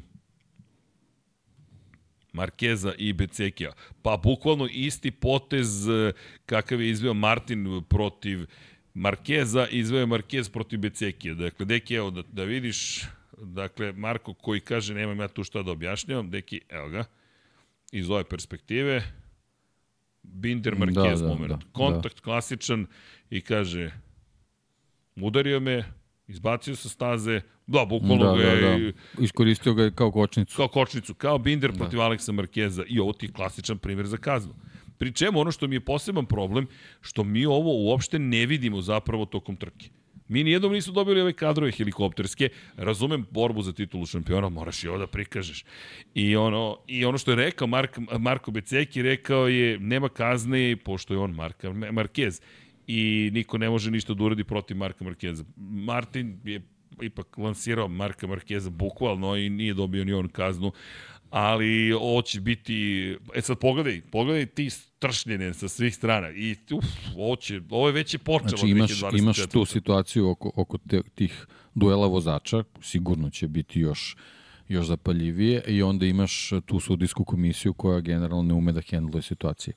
Tako da ja samo, samo ne bih volao da od sledeće sezone koje može da bude čak i zanimljivije od 22. i 23. dođemo u situaciju da neke sudijske odluke budu te koje će nešto odlučivati, da, da krenu e, te ovaj, znači nevezano zbog, za duele na stazi, nego da, da, da dobijemo neke odluke koje će se ticati pritiska u pneumaticama i tako dalje, tako dalje. Znači neke stvari koje, koje zavise od nekih podataka i koje mogu da se da se ovaj razrežu isključivo na, za zelenim stolom. To, onda, to će onda malo da kvari ovaj, uh, čitav, čitavu tu zanimljivost te, tih trka, posebno zbog toga što je kao i, kao i ove godine ovaj, imamo te, te i vezane vikende i malu pauze između trka i tako dalje, tako dalje, tako da ovaj, ne, ne znam šta šta trebamo da, da, da, da se tu sve promeni, ali, ali generalno ovaj, imamo, imamo taj veliki problem sa tim sudijskim odlukama, posebno što to nije bezazleno, mislim, to je sport koji je, koji je jako opasan i te neke stvari stvarno moraju da, da, da, da budu egzaktne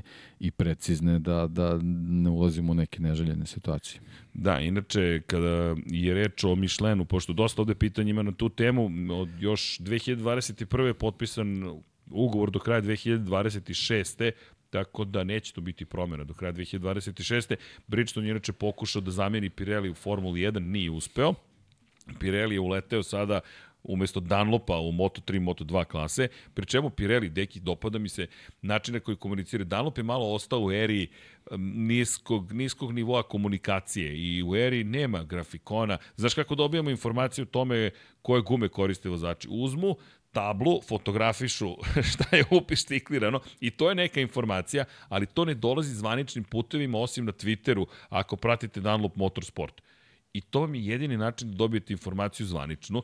S druge strane, Pirelli malo uvodi komunikaciju, grafike i tako dalje, ali biće zanimljiva ta bitka. Za sada nema tu promene što se tiče što se tiče guma. Brembo daje najbolje grafike. Da, da Brembo koji, ja ne znam da su platili da, ove godine smo slabo, slabo to koristili, moramo, moramo više to da, da, pa, imamo, da imamo, nego jednostavno problem što ove godine su bile odjeve najave nikako da, da, da I pomerili smo sve. na utorak, kao yes, oni kasne, yes, oni obično u četvrtak yes. puste to, pa, pa moramo se oslonimo na prošlogodišnje, ali možemo da koristimo iz prethodne pa, sezone, ne da, se to da, tako da, mnogo. Za, za neke stvari možemo neka kasni. Sad ćemo mi malo dole kad se ustalimo, pa ćemo imati malo više vremena da pripremimo te, te grafike koje su stvarno pa da. korisne. Mislim, mogu, mogu da, da, da pomognu nekim procenama. Kako ne, ima baš... Posebno ako igrate fantasy. Posebno ako igrate fantasy. Čestitamo šampionu, dobit ćete pehare, ali očekujemo da dođete. Tako je. mi ćemo da. ih praviti i mi ćemo da ih držimo. Znaš šta sam gledam sad ove nove prodavnice kako to? Mi ćemo da ih stavimo gore u, na ranču na vrh, da stoje uvek kao ukras. I ako neko pita šta je ono, to su naši šampioni. Dakle, možemo da kažemo, to planski nisu došli. A da, odštapamo velika... Polica šampiona. Velika imena, tako je, polica šampiona. Da, eno, što se tiče E, deki, Bec udara u MM, nećemo se, nije, nije Bec udario u MM, nije, ljudi, su unutrašnje strane, Mark Marquez se lepo odbio od Becekija i poslao ga svojim putem, ali uh, bio je Marquez iza Becekija kada kreće u napad, vidi se na izlasku iz krivine broj 2, zaostaje za Becekijem i pokušava u krivini broj 3 da napadne. Ne sećam se da sam ikad vidio napad u krivini broj 3 u Valenciji, ali ok, pokušao je, nije uspelo. Ono što je problem jeste što je to koštalo Marka Becekija. To nije ok, a to što je pokušao, to je ok, ali morate da nađete granicu tim pokušajima, kao što je juče u onom pokušaju da se potpisao na rame Jorgea Martina našao adekvatnu granicu. Inače, zanimljivo, isto delo je nosio danas Jorge Martin. Delo je mi kao da je rekao, ej, hoću da ostane, isto delo, bio sam pobednik juče s ovim ali nije do odela, do vožnje. Inače, da ponovim ko je šampion, Ninč je šampion fantazija ispred Jug Bogdana drugog i Lemija, 46, Ordanić 1 je bio četvrti, pa Stefnik Racing 1609, Omer FC, Inter, Mesija, Škoda Fabija, Jovan, Brka 21, Reding 45, Juventino, Picing Racing Team, Vranje, Škoda 110R, Ada Medica Ver 46, Ladna voda, Agent 007 i T-Music 9 ili T-Music 9 na poziciji broj 20, čisto da ispoštujemo, ispoštujemo naše šampione. Sve u svemu, Valencija lepo finale nam je donela. Što se tiče Banjaje, odlično pitanje je postavljeno, slušaj ovo, da li mož, možemo očekivati, Iv pita, da Peko se distancira od Ducatija, prvo dovode braću Marquez, onda se spekuliše oko toga da će izbaciti Eneo, posle, posle Martinovog ponašanja u petak, itd. itd. itd. Ajmo ovako, ovo je priča koja se neće raskinuti. Dakle, par stvari, Peko Banjaja, gde da ide? Ajmo ovako u koji tim da ode Peko Banjaja, gde ćemo biti bolje nego samo o tome, sad Ducati mora da sluša ko ima najveću armiju navijača.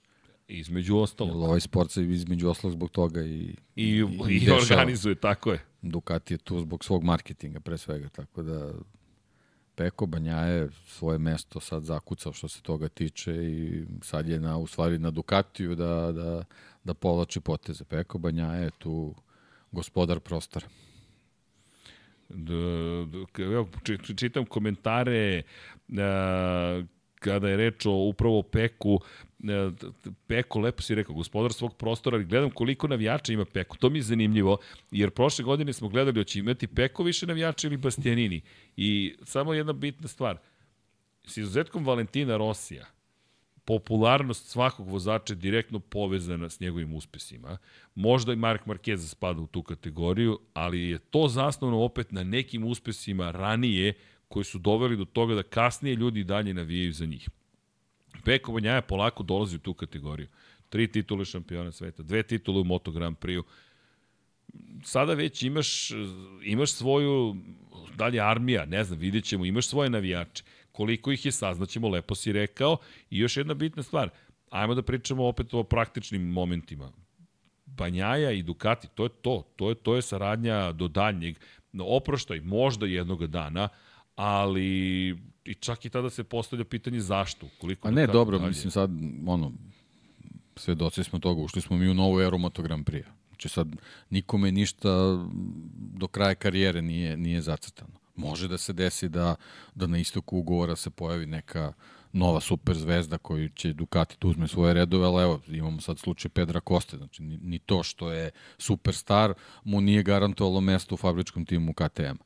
Tako da veliko je pitanje da ti neki novi talenti koji budu dolazili, da li će, da li će tako lako ovaj, moći nekog da potisnu. Na kraju kraju s druge strane Peko Banja je nekako na mala vrata stigao do, do, do tog Ducatija u paketu sa Jackom Millerom i, i tako dalje i tako dalje.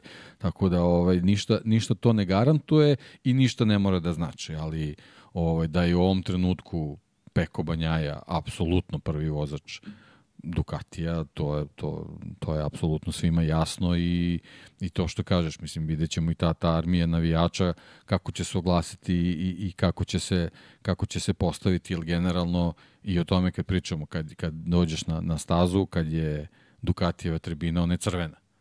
I ne može da bude ni ljubičasta, ni crna, ni, ni, ni žuta, ni, ni, ni svetlo siva. Ne, to je jednostavno crvena tribina i crvena tribina trenutno nosi 63 kroz 1 i, i to je to.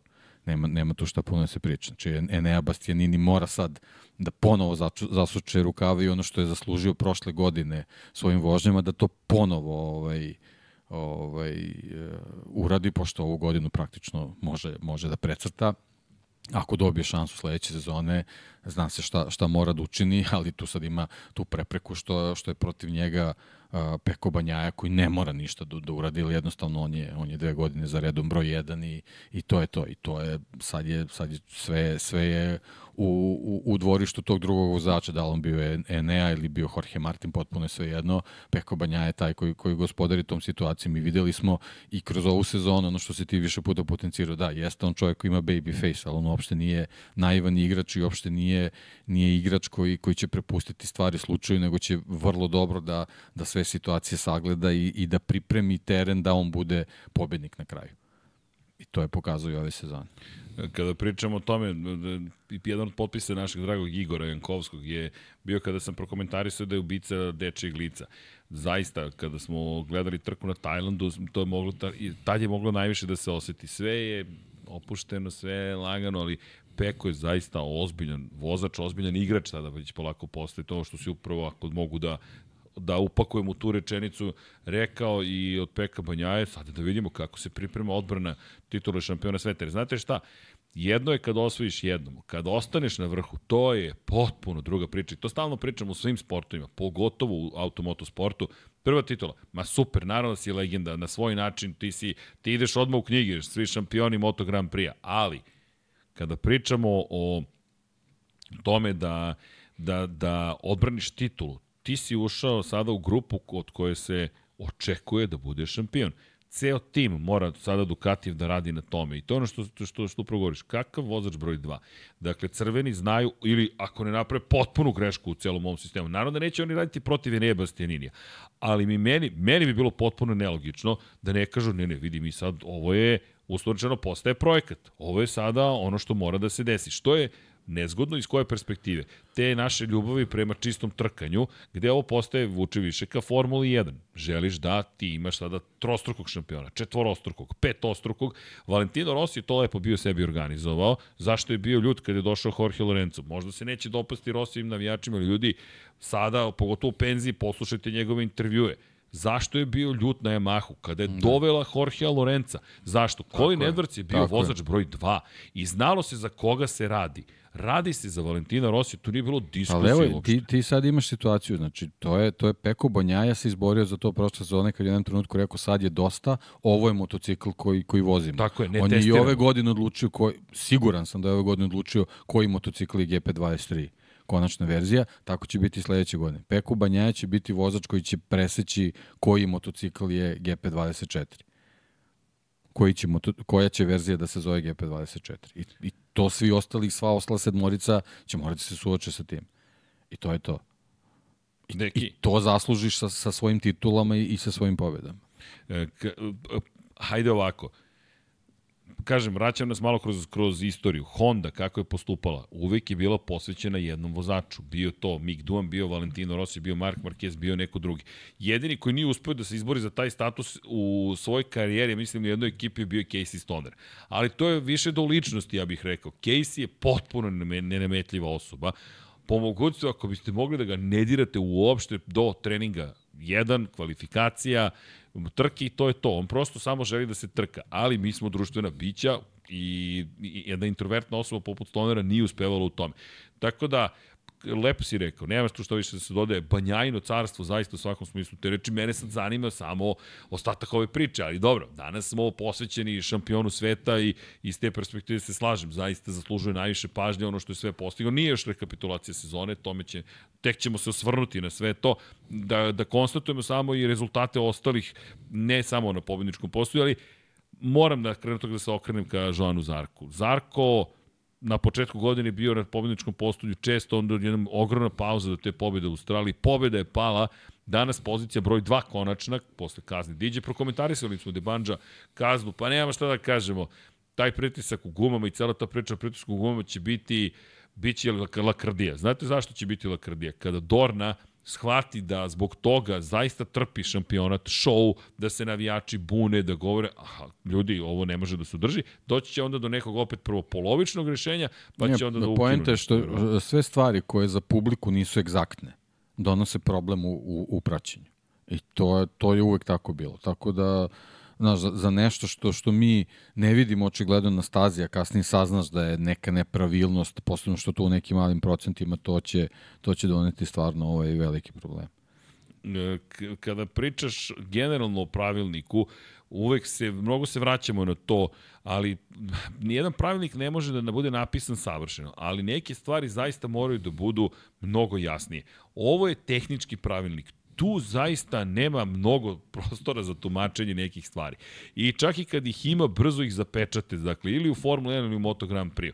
Da, saviće oni negde pravilnik, ali ovo je vrlo jasno. Pritisak u gumama toliki, pritisak u gumama gornji. Pa ovoliki. jeste, ali pritisak je, sad recimo u trenutnoj situaciji, imaš pritisak je ovoliki, ovoliki, ali samo u određenom broju kruga. Znači već prave komplikaciju, tako je, tako, ne, ne, neverovatno, ja ne govorim... nemoguće je pratiti. Razumijem te što hoćeš da kažeš, to. kako bi trebalo, da trebalo da, zvuči. da bude, tako Nego je. pojente sad što niko ne može da prati to. O tome se radi, to je problem. Uh, vidi, e, ne samo što ne možeš da pratiš, uh, mi imamo situaciju da, evo, progla... pitanje kada da pratiš. Ako to u, uživo treba da se prati, zašto nam ne stavite grafiku, pa i diđina ekipa i onda znaju da su to prekršaj. Dajte ljudi, kao na primjer... Znači imaš, napraviš uh, jednostavne grafika, ne znam, koliko ima trka kruga, 20 kruga. 27 ovako. Znači napraviš 20 kockica sa strane I kad I... se završi krug zelena ili crvena. Tako zelena je. ili crvena. I onda... Ako imaš devet crvenih... Ćao. Ćao. Ćao. Ali toga nema i onda je, nije ni transparentna komunikacija, menjaju se rezultati. Evo, post festum se menja rezultat. Post festum je najgora stvar koja Naj, se desi. Apsolutno. Dobio si pehar, proslavio Tako si, dao izjave, sve je super. E, to ne važi. Znači, jeste, da li ste u mogućnosti da, da to uh, radite u realnom vremenu? Niste nemojte to da radite. Da li su pritisci niži, viši, zavisi kako god, opasni za vozače. Jesu. Nemojte da praviti pneumatike koji idu na te pritiske. završite, završite nas tom pričom i onda će proizvođači motocikla se prilagođavaju pritiscima, to je da, da, da konstruišu sve vezano za pritiske koje mogu da se koriste i kraj priče. Ako, ako sve, sve bude išlo na to da se dešava post festu, mislim, o onda nema ništa. Deki, moram nešto ti pokažem. Ljubo Đurović. Pitao sam čoveka da li je ovo realno, ali ja ću, ja ću tebi da pošaljem, Vlado, nešto. Ja moram ovo da podelim sa celom ekipom. E, dakle, ako je ovo e, stvarno, ja ne znam, Ljubo, kad se sretnemo, morat ćemo, ne, ne, šta god, idemo, žurka, afteri, kako, šta god je neophodno. Ljudi, evo, malo strpljenja samo da ja pošaljem našem dragom Vladi. Vlado, molim te ovo ubaci, pošto ja sam što čak ni Dekiju neću da pokažem, nek se i on. Imate autentičnu reakciju, dakle, kada govorimo o, o, o svemu ome, inače, jesi video, a, Vlado, reci? Ljudi, verujte, ovo je čista zabava, dakle, da, da, a? Fenomenalno. pa ne verujem. Kad istakne mora u studiju da dođe, da nema šta. E, pazi, ovo je fenomenalno. Ističe u oktobru 25. godine, 25. Pa ne verujem. ok, ljudi, svaka čast. Svaka da. čast. O, zamisli, zamisli da smo u Americi, vozimo da si kao neko Lab 76 ispred. Šta ti da radiš? Uh, Citizen ne, ovo sad postaje ozbiljno.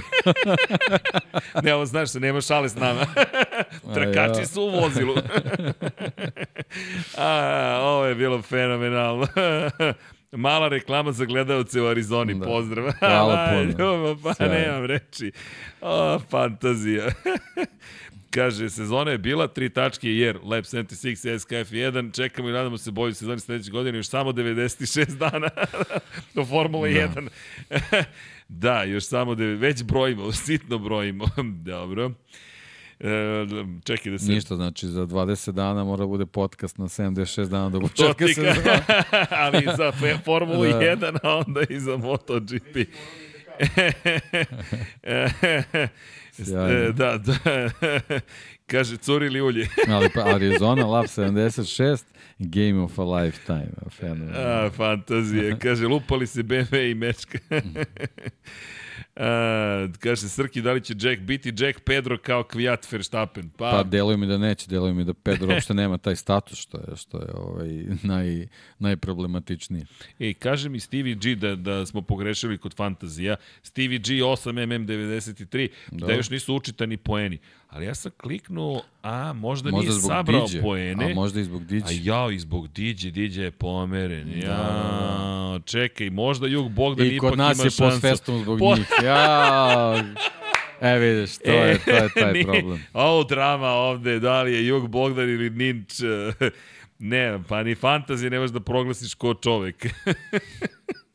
Dobro, pa sve to deo, deo Moto Grand Prix. Pa da, ali vidiš koliko to komplikuje, iako deluje bizarno i, i, i, i da su stvari neke nebitne. Znači, moraš da jednostavno vodiš računa. Ako, ako želiš da budeš u, u tom svetu, uh, digitalnom, marketinškom svemu. Znači, ne možeš da komplikuješ onda stvari sa tim svojim situacijama vezano za sudijske odluke. Da, inače, pa kažemo Đelo Rabijata, polako s dizanjem u nebesa. Ne dižemo nikoga u nebesa, mi polako samo... s plaćanjem. Pola...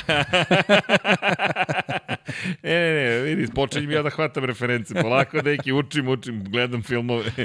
Ali nije, nije dizanje u nebesa. Mi samo govorimo u prilog tome kako će Banjaj da pristupi zapravo sezoni. O tome mi pričamo. Ne da li će on osvojiti titul ili ne, nego da će Ducatijev i Pekov posao sada biti drugačiji. Niko ne priča u kontekstu da je najbolji vozač u istoriji, ne, ne, ne, nego ne, ne. pričamo da je, da je uh, vozač koji trenutno vlada situacijom u svoj, svom timu. To je poenta to, priče. To je to, je to. A ovo je najozbiljniji tim, jer ono što, što, što je, ima jedan komentar da će ići u Yamahu. Ljudi, zašto bi išao u Yamahu? Da mu ponude 30 miliona dolara godišnje. Zašto da ideš u Yamahu? Šta da sa kvartararom zajedno sedi i da plače oko M jedinice? Dakle, mi, ono što meni je problem kod Yamahe, kod Honda i kod svih, oni svi izgledaju izgubljeno. Pored Ducati izgledaju dezorganizovano. je što on je vozač u Italiji, fabričke ekipe Ducati, njemu sa svakom titulom prvo njegovi, njegovi privatni ugovori rastu. Sa samim tim Značajno. rastom on više nema, nema potrebu da razmišlja o prelasku za, za, za, neke, za neki veći novac negde. Znači, samo, samo može da bude isključivo neki takmičarski izazov. On u ovom trenutku ne vidim da ima neku potrebu da da menja situaciju koja je u, u fabričkoj ekipi Ducati. Izvini, to je ono što je Colin Edwards pričao svoje vremeno. E, ja sam ga pitao... Prvo samo se setite, znači to je jedna situacija bila, ja mislim da, da je to bio Jerez kad je Marquez pao. Dobro. O, Banjaje se na motocikl penjao na štakama. Jeste. Znači, svašta je taj momak prošao do, do ovog trenutka i, i, tu i, I, od, i od tada, staze, i znači i to zahteva analizu da se vidi u stvari šta je on prošao u prethodne četiri sezone da bi sad bio dvostruki svetski šampion. Uopšte nije jednostavan put bio. Kada je reč o, o ne samo putovanju. Uh, inače, Stevie G je postao svetioničar početnik, to Stevie, o, G, Stevie G bravo. kaže Stevie G surovi, biće drame u kasne sate za pehar po koji niko neće doći. e, to može da. da bude nagrada. Pehar po koji niko neće doći. e, to je otprilike to. Inače, da, Ognjen kaže, posle 20 godina Yamaha nije zabeležila pobedu u sezoni. I to vam nešto govori. Dakle, poslednji put 2003 prva sezona pre dolaska Valentina Rosija, od onda i period jedan dominacije, što zahvaljujući njemu, što zahvaljujući Jorge Lorenzu, a De Banja, da, kada je reč o poređenju sa, sa, sa Stonerom, nema tu poređenja po pitanju, znate šta, to je ta nezahvalna uloga.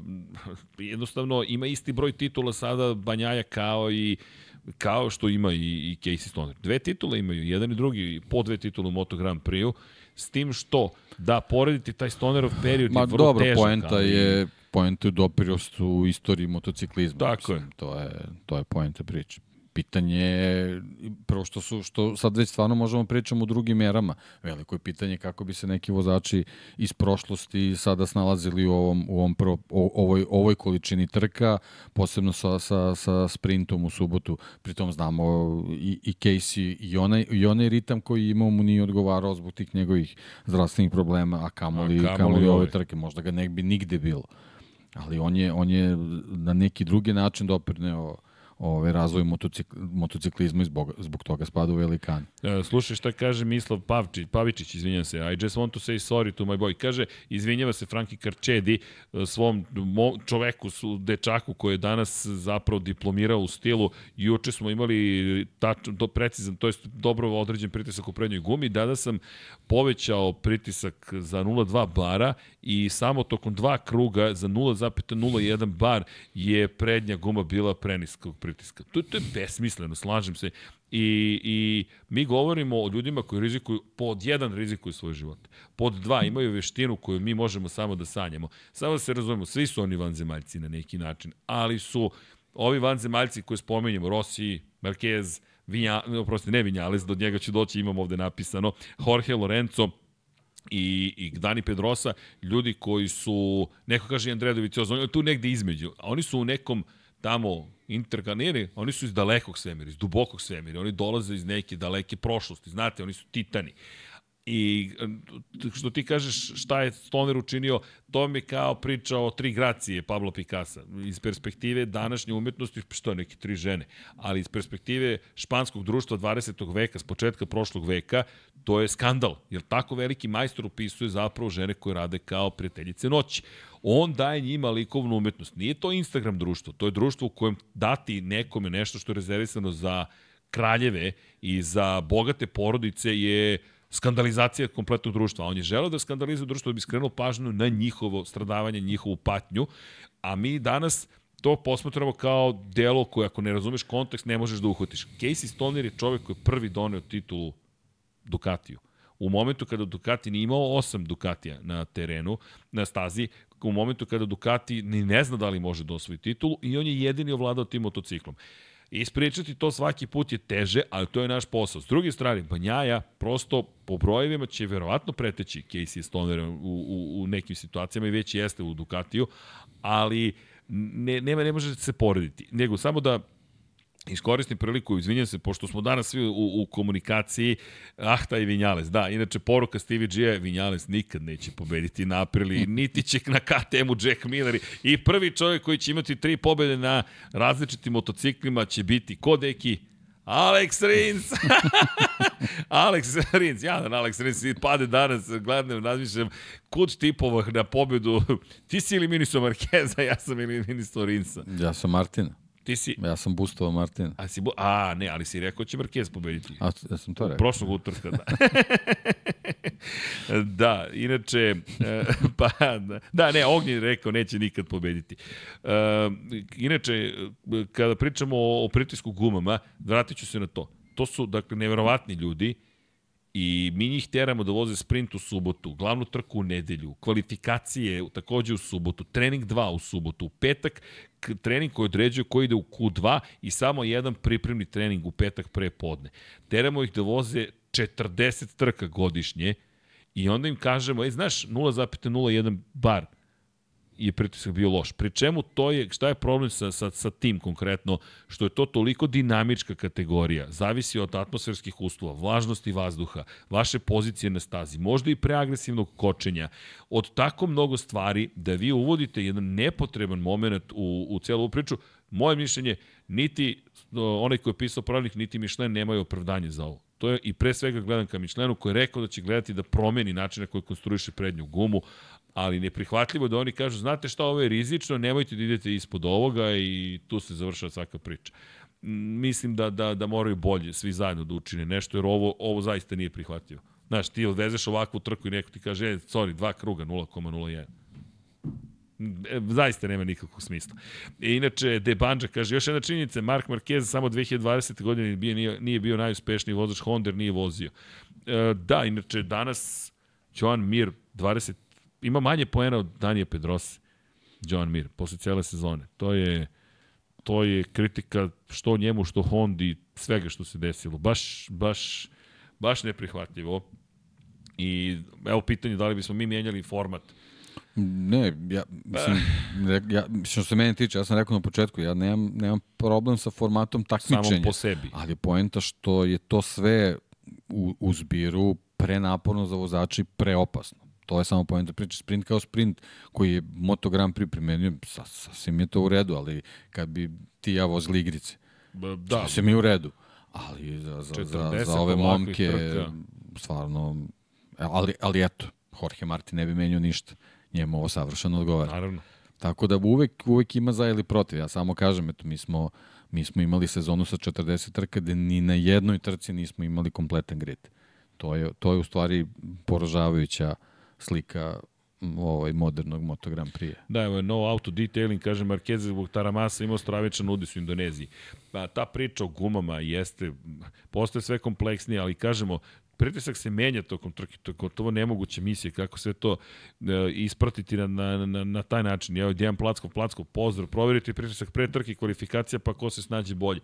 Kada bi taj pretisak čuveni u gumama bio neka stabilna vrednost. Nije to visina, na primjer, ne znam, debljine daske ispod poda bolida Formule 1, pa kažete, ok, to mora da bude 3 mm.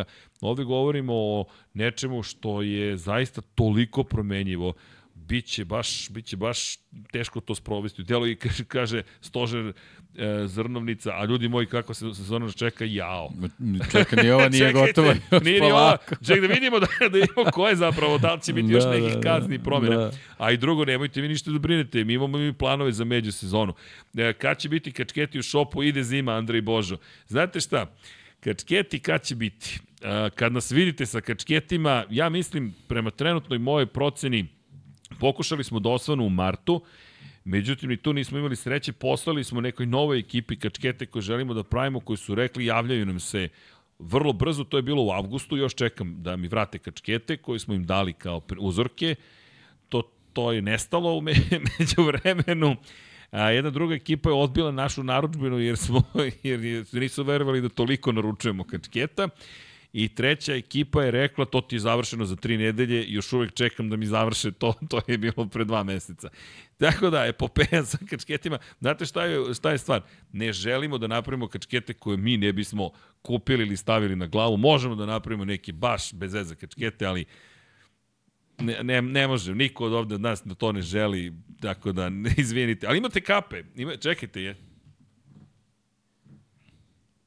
crvena i crna za sada. Lab 76 čekam ostale boje, ali sa kićankom, znate kako stoji? Nema da vidite odmah. Oba. A, rec. Nije tako loš. Uh, Da, inače, evo odgovor za pitanje. Nije ignorisao crne zastave Vinjales, ignorisao crnu zastavu sa naranđastim krugom, zato što mu se dimila Aprilija, pa su mu rekli da ode nazad u garažu. E, inače... Mislim da trebaš momentalno napustiš stazu. Da, da, istog trenutka moraš da se, moraš da se skloniš. Da se skloniš. Kad je cr, stazu cr, crno ideš... mislim da moraš odmah da se skloniš sa staze. Ne smeš da budeš na putanji. Aha, okej, okay, znači ideš odmah ka redarima. Da. Prvi izlaz da, sa staze. a on je, on je lepo pobišao krug. Da, I inače, ostavio za sobom ko zna šta. Vladimir K. kaže, Pedro Costa da se odjavi KTM i ode u VR40. A, kako sam prepevao. Da. Najbolji potez za njega. Da, bilo bi super kad bi moglo tako, da. Da, da. Da, da. I evo, John Mir 26 poena, Dani Pedrosa ih ima, ima poen više. Um, kada govorimo o Sadam Ihmedović, Polik pozdrav enciklopedije Moto Grand pozdrav za vas. Pozdrav Sadam i hvala. Sadam, ne, e, sad, Sadam kad Sadam, se javi, da. neće ni da ga spomenem. Sadam naš lični sponsor, dakle, stvarno, dakle, hvala za sve i, i nemojte ništa više od toga, to je to.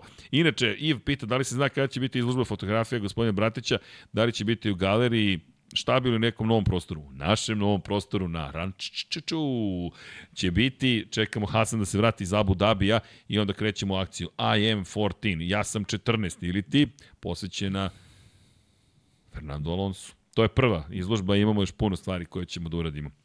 Deki, e, da pokušam da nas vratim na, na još zbivanja u Valenciji, Franco Morbidelli, sedma pozicija na kraju za Yamahu, to je postalo otprilike njegovo standardno neko mesto u poslednje vreme. Bio je sedmi i na ovoj trci, bio je u Maleziji sedmi, sedmi je bio i u Mizanu, ne kažem da je baš to standardno, ali tu kad je pristojna trka, on dođe među vodećih deset, od, od, odlazi svojim putem, Franco, 102 poena na kraju ove sezone. Da, nekako ta epizoda u fabričkoj ekipi Yamahe došla i u pogrešno vreme i nekako je prošla potpuno potpuno nezapačeno, zaista. Mislim, Kao da nije bio uz par nekih bljeskova sitnih, ali to je iza, iza njegov renome i za Renault Yamaha stvarno potpuno onako zanemarujuće i možda i bolje što se, što se ovo dešava. Eto, ispunije neki možda i svoj san ako ima bio u fabričkom timu. Sad se otvara neka, otvara se neko novo poglavlje, pa eto, ja se nadam da će biti uh, mnogo uspešnije od ovoga, zato što znamo da, da Franki to može sad. Ovaj, sad već je neko i vreme prošlo, sad je veliko pitanje i samopouzdanje i svega, ali, ali ovaj, generalno znamo da imamo vozača koji je, koji je sposoban za, za mnogo veće domete i, i velika šteta je to što, što je bio u Yamahi kad, kad bukvalno niko ne može tamo ništa ne urodi, pa čak ni, ni Fabio Quartararo koji po meni eto, spada u tu grupu uh, stvarno najkvalitetnijih vozača današnjice. Fabio Quartararo je zajedno sa Frankom Morbidelim zapravo okrenuo svet na glavački 2019. i 20.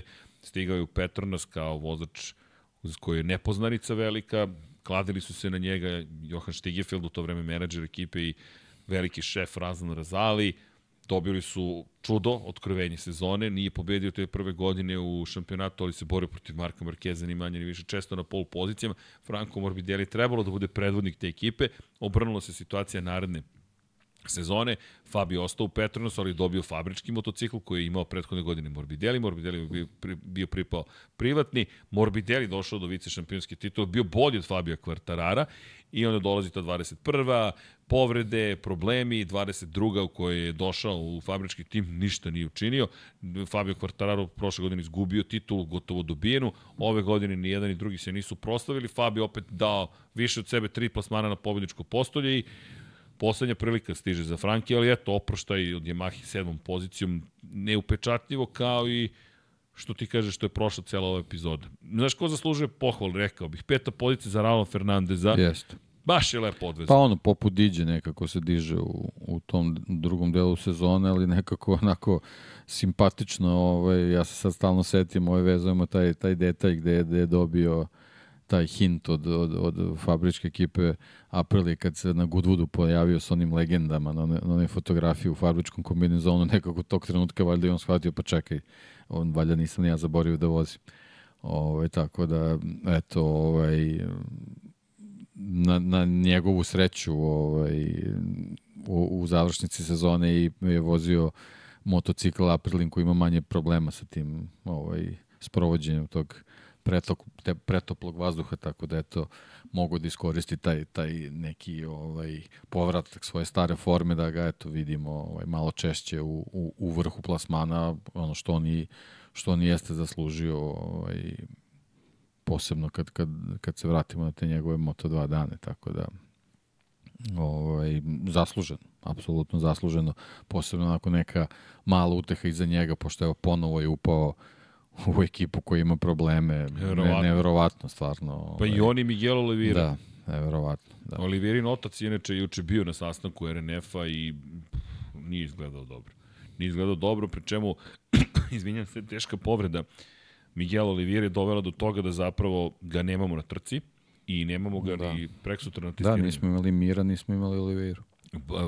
Krnja trka, bukvalno, kada pogledaš ko je sve trebalo da bude tu.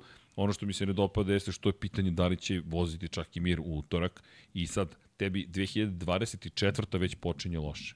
Dakle, ti već sada imaš situaciju koja je veoma, veoma loša. Miguel Oliveira pitanje kada će se oporaviti, ako mu je za nauk neka pogleda ka Enei Bastianiniju, istu povredu imao Nea, koliko je vremena bilo potrebno. Pa dobro, da ali Miguel je ove godine već imao tešku povredu, to je problem. Dakle, još jedna, da. a, a sada je drugačija povreda i ideš u zimski period pod znakom pitanja cele tvoje ekipe.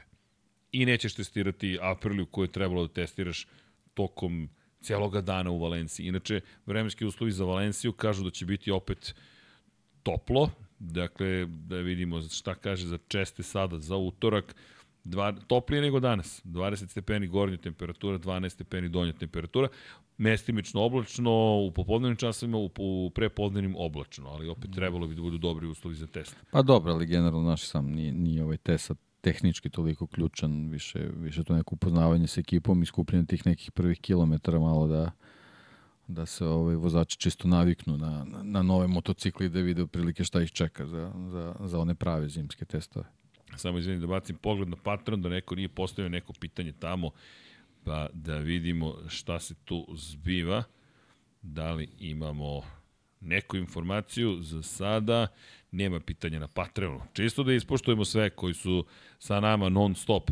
Inače, kaže Darko, ako Ducati ili Lenovo uzme Martina, ode Bešte u HRC, a Luka u Pramak. Ne, ne, ne, to je prekasno, nema tu, nema tu sada promjena to, to će otprilike biti to, biti to otprilike, a inače Axis Kole kaže podršak, ja mislim da će Honda i Maha neće biti ništa brže sledeće sezone, nažalost gledat ćemo ponovo Ducati Cup.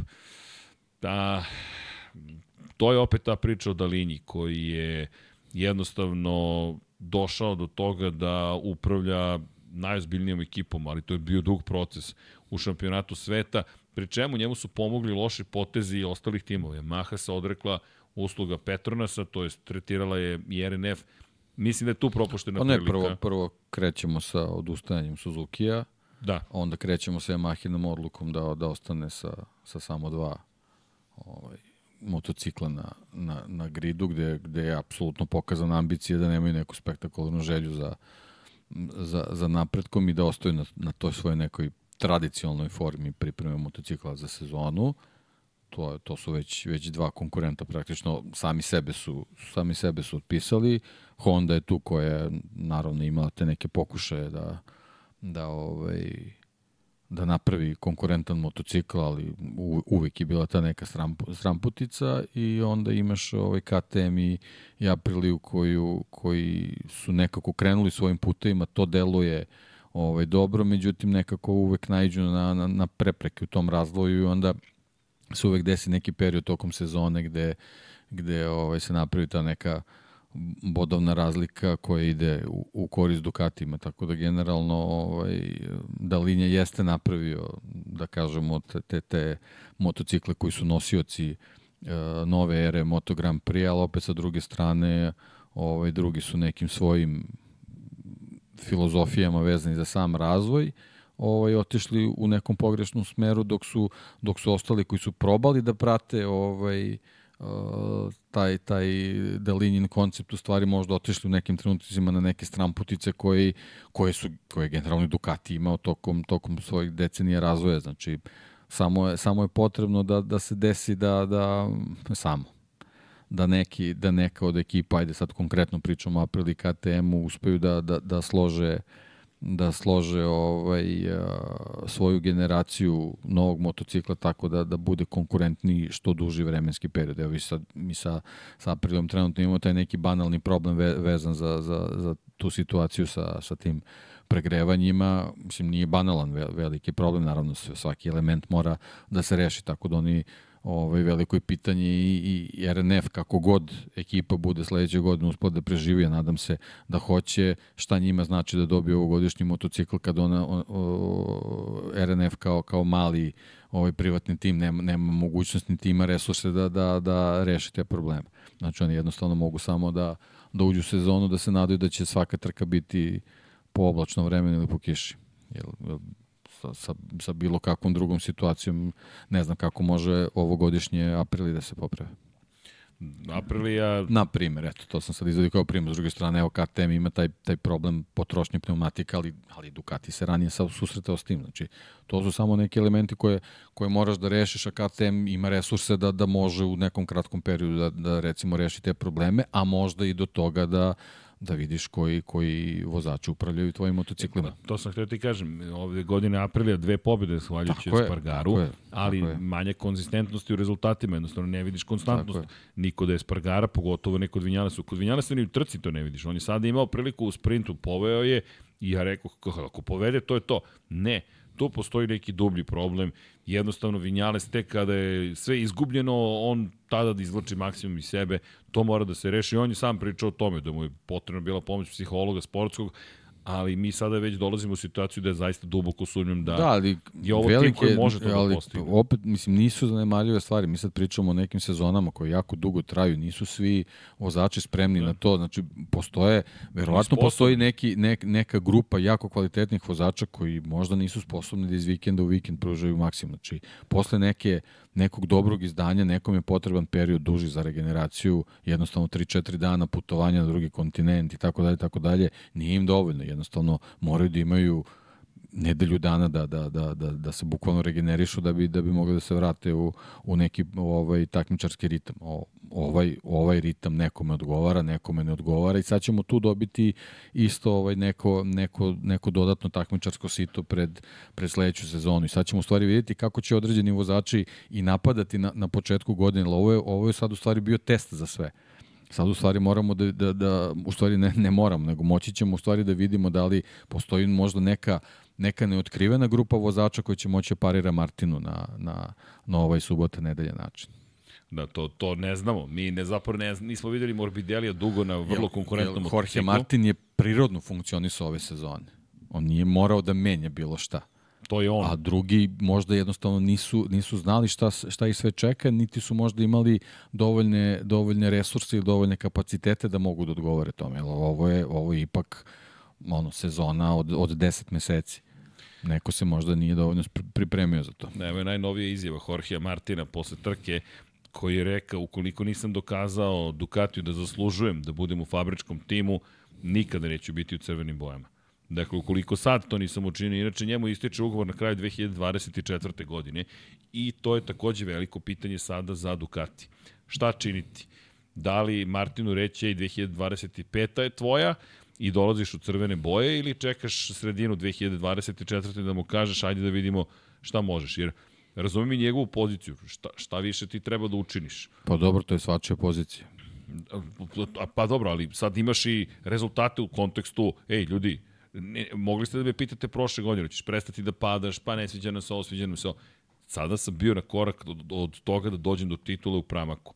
Nema potrebe više se dokazujem. To, to mislim samo da se promenilo i da vidimo šta će povod i ovaj pritisak naravno i za Ducati. Apsolutno, naravno. Martinov posao je da se bori za sebe, ali komplikuje se stvari. Ma nije sezona završena, što ti kažeš. Ma, kako? Ma kakav, tek, tek je počelo sve. Pričemo ovo posle, dakle, trke. Luis Duncan je upravo napisao na motorsportu. Pratimo, prosto pokušamo da ima da li će se neki vesti desiti i tokom samog podcasta, s obzirom činjenicu da je nedelja, obično utorak već znamo otprilike manje više šta se desilo sve. Ali da se vratimo još malo na trku i, i posle tog uspeha Raula Fernandeza, peta pozicija najbolji plasman ove godine na aprili, 51 poen na kraju za Fernandeza, šest poena iza Takaki Nakagami, koga ne znam da li smo ikada spomenuli nekoj zbiljnoj analizi. Alex Marquez, samo da se dotakne posle onog kontakta sa Bradom Binderom, nekako prosečan vikend, osmi i šesti, nastavak perioda u kojem je Diđan Antonio zvezda te ekipe i da su ovakvi rezultati bili većim, tokom većeg dela godine, ne bi tražio posao Diđan Antonio. Alex Marquez bi tražio posao, bez obzira na prezime. Mislim da, ili možda bi zadržali Aleksa zbog prezimena i sponzora i Diđan Antonija i onda bi bilo pitanje gde ide Mark Marquez, to je onda verovatno ostaje u Repsol Honda do kraja 2024. Ali Diđina forma, evo sad dovodi u situaciju i zanimljivo pitanje Aleksa Markeza, pošto on Aleksa Markeza non stop pobeđuje sada.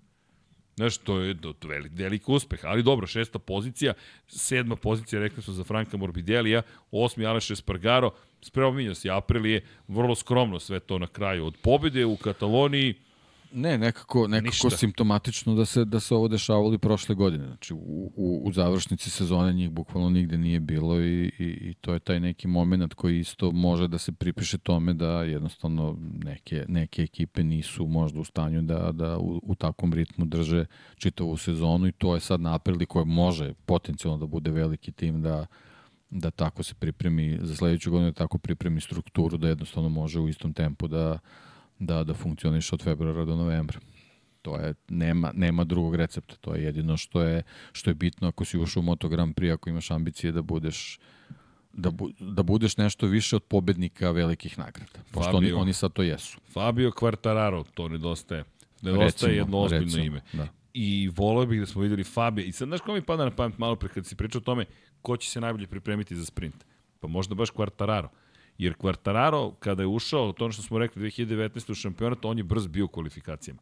Svi ti koji su brzi u kvalifikacijama imaju ozbiljan potencijal za sprint, zato što šta? Ne samo što imaš dobru startnu poziciju, nego to su ljudi koji vole te krugove gde si brz, brz, brz, brz, brz, On ne moraš brz, nije ti toliko bitna ta potrošnja pneumatika, a opet sa druge strane dobiješ informaciju o njoj da bi znao kako da se pripremiš za nedelju. To je win-win kombinacija za takve vozače.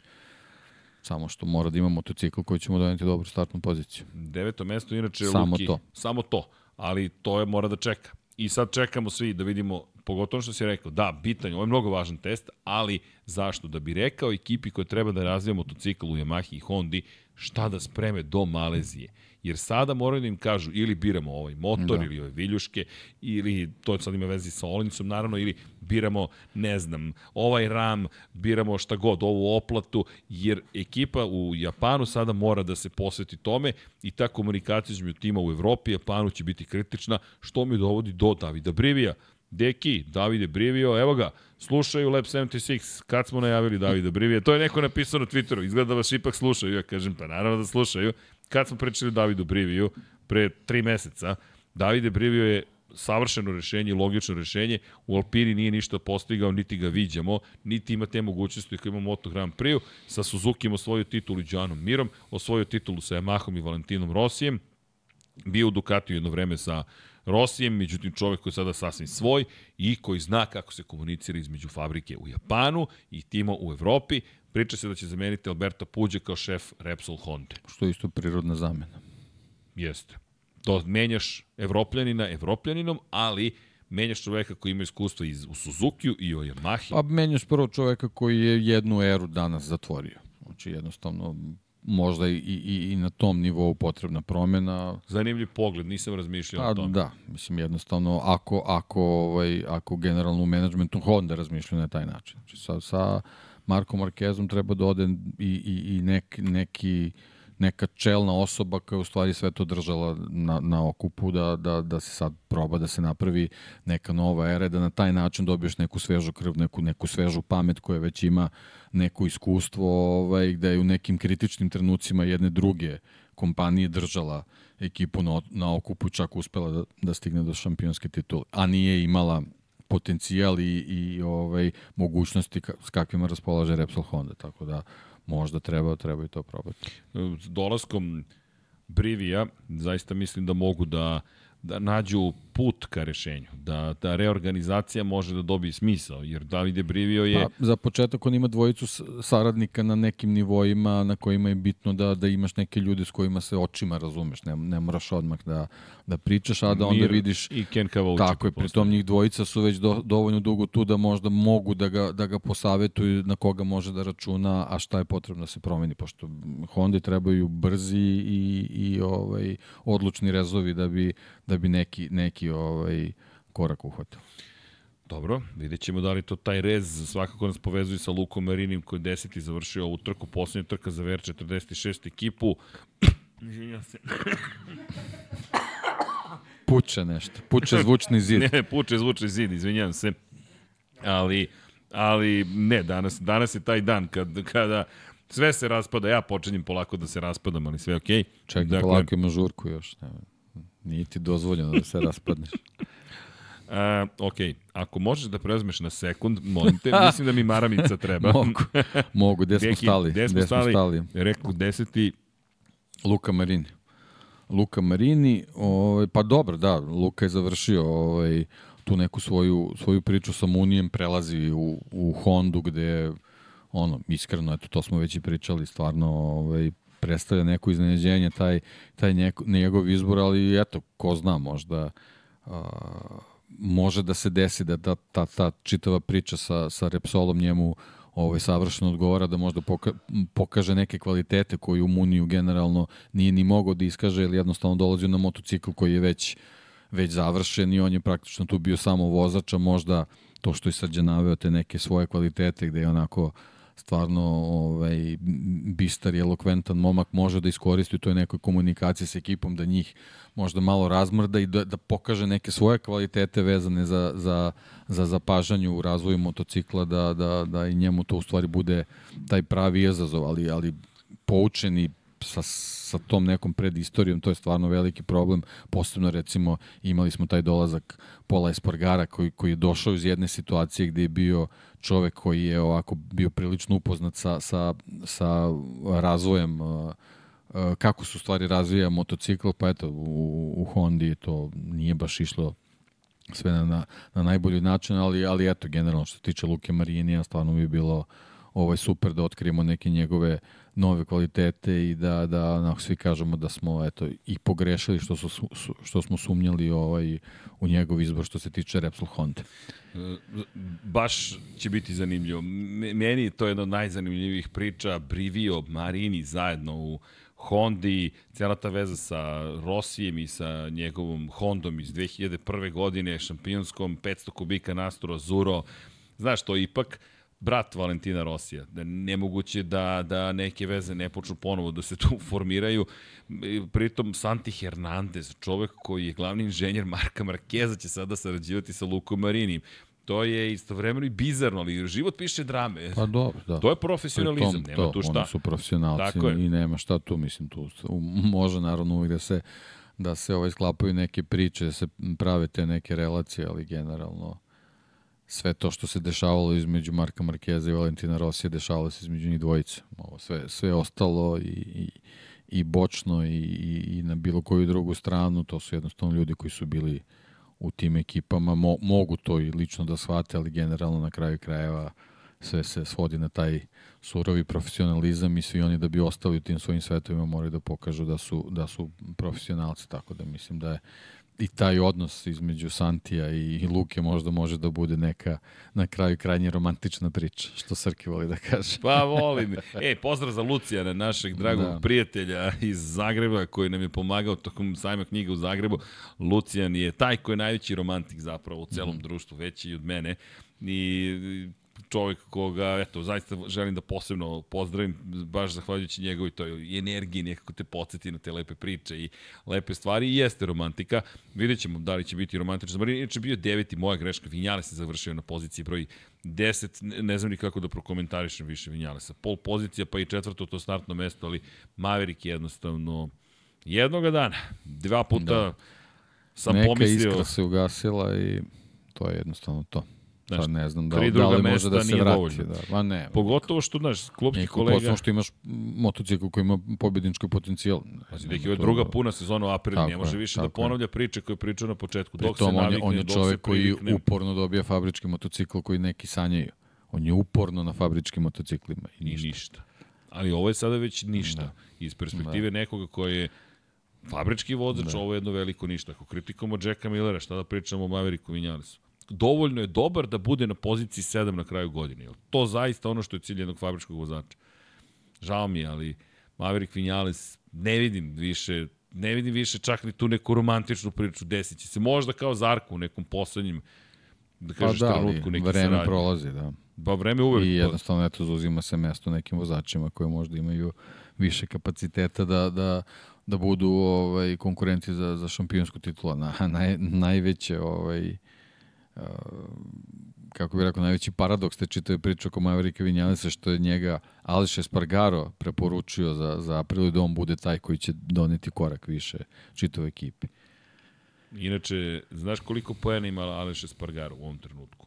206. Znaš koliko ima Maverick Vinales? 204 njih dvojice završavaju manje više na istom mestu da, da. šampiona sveta. Da, ali nema, nema, nema tog pomaka. Nema sledećeg koji nivoa. potreban, da. I to je ta priča o Fabio da. Quartararu koji je 11. prošao kroz cilj, ali Pa da, ali koji je, koji je pa, Fabio? Koliko Fabio ima bodova? 172 na kakvom motociklu. Ima 34 poena manje. Minorno. Potpuno. Dajte Fabio u Apriliju. Dajte Fabio u Apriliju. Pa neće biti dve pobede, bit će ne, ne da kažem 10, ali 5, 6, 7 sigurno pobjeda i bit će tu drame onda. Jer neke staze ćemo više odgovarati, neki će odgovarati drugima. Vratit ćemo se u taj period, čekaj da vidimo kome, šta, kako. I opet ta priča o sprintu. Da li ćemo odgovarati više sprinterki. Fabio na u sprintu, ja silno želim to da vidim. I u kvalifikacijama pre svega želim to da vidim. Jer to, to verujem da bi bilo, bilo za pamćenje. Jer onda imaš i, imaš i još jedan duel. Nije samo različiti proizvođač, nego u Italiji, čekaj, je li Aprilia ili je Ducati ima tu sada dodatni nivo u njihovim odnosima i njihovim pričama. Saznaćemo, nadam se, u neko skorije vreme ili na nekoj boljoj Yamahi ili na boljim pa da, ali, motociklu. Mislim, to ti istorija pokazala, znaš, ti dueli tipa Suzuki, Yamaha, Honda, kad imaš te, te duele na, na nivou eto, te jedne zemlje, ovaj, isto bi bilo jako interesantno da imamo taj Aprilia Ducati duel, to bi onako baš, baš dovelo do tih nekih navijačkih podela i bilo bi jako interesantno iz perspektive sladokusaca, hajde da navijamo pre svega Yamaha da će da se sredi, čak i da Fabio Quartararo odi iz te Yamahe iste, ali makar da dobijemo neko novo poglavlje, da dobijemo motocikle koji će malo razmrdati stvari, da nećemo doći u tu situaciju da, jer kad pogledaš sezonu, evo, pobede Ducatija, lakše mi zaista mnogo da pročitam kada nije pobedio Ducati. Ducati nije pobedio u Americi, gde je slavio Rins na Hondi, nije pobedio u Velikoj Britaniji gde je slavio Aleš Espargaro na Aprili i nije pobedio u Kataloniji gde je slavio Aleš Espargaro na Aprili. I to je to. 17 pobjeda Dukatijevih vozača, samo 3 poraza, uslovno rečeno. Od toga čuli ste, KTM nijednu pobedu nema, April ima dva triumfa, Yamaha nema ni jednu pobedu, jednu pobedu ima Honda. Ima Alex Rins na Hondi, čekaj, to je tek tužna priča. Zašto nisu dobili jednu zdravu sezonu Alexa Rinsa? Pa neka bude i samo Saxon Ring, neka bude samo tako neka specifična staza, opet nešto bi se tu dešavalo, bilo bi zabavno i, i zanimljivo. Ima potencijal za četiri pobjede Ima potencijal. Inače, Ducati nije se išao sa pobjedničkog postolja. U Americi i u Velikoj Britaniji bili su njegovi vozači na poziciji 2, dakle to u šampionatu konstruktora, gubitak od 10 poena i izgubio je 9 poena u Kataloniji od 700 19 bodova mogućih, zahvaljujući i sprint, e čekaj, sprint, sprint, ne, ne, ne, ima još poraza, a ne, u Argentini nije pobedio u sprintu i u Španiji nije pobedio u sprintu i u Kataloniji nije pobedio u sprintu. I tri poraza u sprintu, deki. A, 39 trka i šest velikih poraza za ekipu Ducati. Fascinantno. Ali dobro, to je deo priče o Ducati ove sezone i negde uslovno rečeno, kraj priče o Moto Grand Prix-u, ne bih dalje dužio priču, pošto imamo da analiziramo celu sezonu, ali bravo Peko, to mislim da je opšti zaključak današnjeg dana, šampionski dan za Francesca Peka Banjaju, Deki, da li bi dodao nešto u celu ovu priču, Ja mislim da smo zaista imali pa i privilegiju da, da se bavimo Moto Grand Prix na ovaj način. U istorijskoj sezoni sviđale se neke stvari, ne opet je ovo istorija, znaš, meni pa to ne, ne, istorijska je definitivno, znači imali smo Sprint. promociju sprinta, to je Banjaja. nešto o čemu će se pričati u, u, u, u nekoj budućnosti o tome kako je stvari krenula ta, ta neka o, nova era Moto Grand Prix i kako je krenula neka nova era sa vozačima koji, koji su se prilagodili takvom načinu takmičenja i, ili nisu i generalno, mislim, kad se sabere sve, imali smo još jednu spektakularnu sezonu, dovoljne potvrde, evo što danas je 26. novembar, mi smo pre nekoliko sati u stvari tek zaista dobili svetskog šampiona, šampiona sveta, da. tako da mislim, to je apsolutno dovoljan podatak i, i kalendar sve govori da, da, da, da smo kroz, kroz čitavu godinu eto, imali, imali smo taj, taj neki mali, mali onako uh, mali, mali, mali zastoj toj, toj čitovi priči, neki taj antiklimaks zbog one velike pauze. Ovaj, to, to malo ovaj, je još jedna situacija koju Dorna mora da, da su ozbilji da poredne o tome da, da ne može jednostavno se dešava se, da se prave takve pauze u slučaju otkazivanja ne, ne, nekih trka, čist, čisto o, nastaje situacija gde, gde nekako dobijamo taj to, to spadanje čitavog tonusa i tog interesovanja za šampiona sa nekim pauzama koji, koji bespotrebno nastaju, a onda imaš finiš gde, gde bukvalno ovaj, sameljaš i vozače ekipe sa, sa, sa ritmom koji je onako iz nedelje nedelju i bude baš, baš naporno. Znači, generalno imali smo godinu koja je, koja je onako zaista, zaista po meni bila, bila uzbudljiva i to, to treba da bude ta ocena i, i, i generalno su tu isplivali ovaj, u toj čitoj priči vozači koji su se najbolje snašli na, na, na taj novi, novi format trka koji smo dobili, a sad sledeća sezona već dobijemo neku novu priču, malo se mešaju karte vezano za, za pozicije vozača u ekipama, tako da ovaj, ova godina je po tom pitanju bila onako mirna i, i, i vozači su mogli da se koncentrišu na tu čitavu priču, ali nije, nije bilo toliko ovaj, promena vezano ovaj, za, za ekipe, nekako ugovori su bili čvršći, sad dolazi 24. već tu dosta ugovor ističe, sad već imamo dosta rokada među vozačima, tako da već u sledeće zone sve kreće na neki drugi nivo. Da, samo deluje da je Marini zaštićen svojim da. specifičnim dvogodišnjim ugovorom u sred tog nekog dvosezonskog perioda kada se pregovaraju ugovori. Ostali će svi imati ugovore i Breda Bindera koji ističu na kraju 2024. kreće ciklus. Peko Banjaja, za kraj priče o Moto Grand Prix imamo još i Moto dvojke i Moto trojke, makar na revijalnom nivou na neki način, mada je bio vrlo emotivan, pogotovo za Jumo Sasaki u Moto trojkama. Kada je reč o Moto Grand Prix-u, Peko Banjaja, šampionska nedelja. Rekao bih da je to baš potpis današnjih dana krenuo ni kriv ni dužan sa pol pozicije.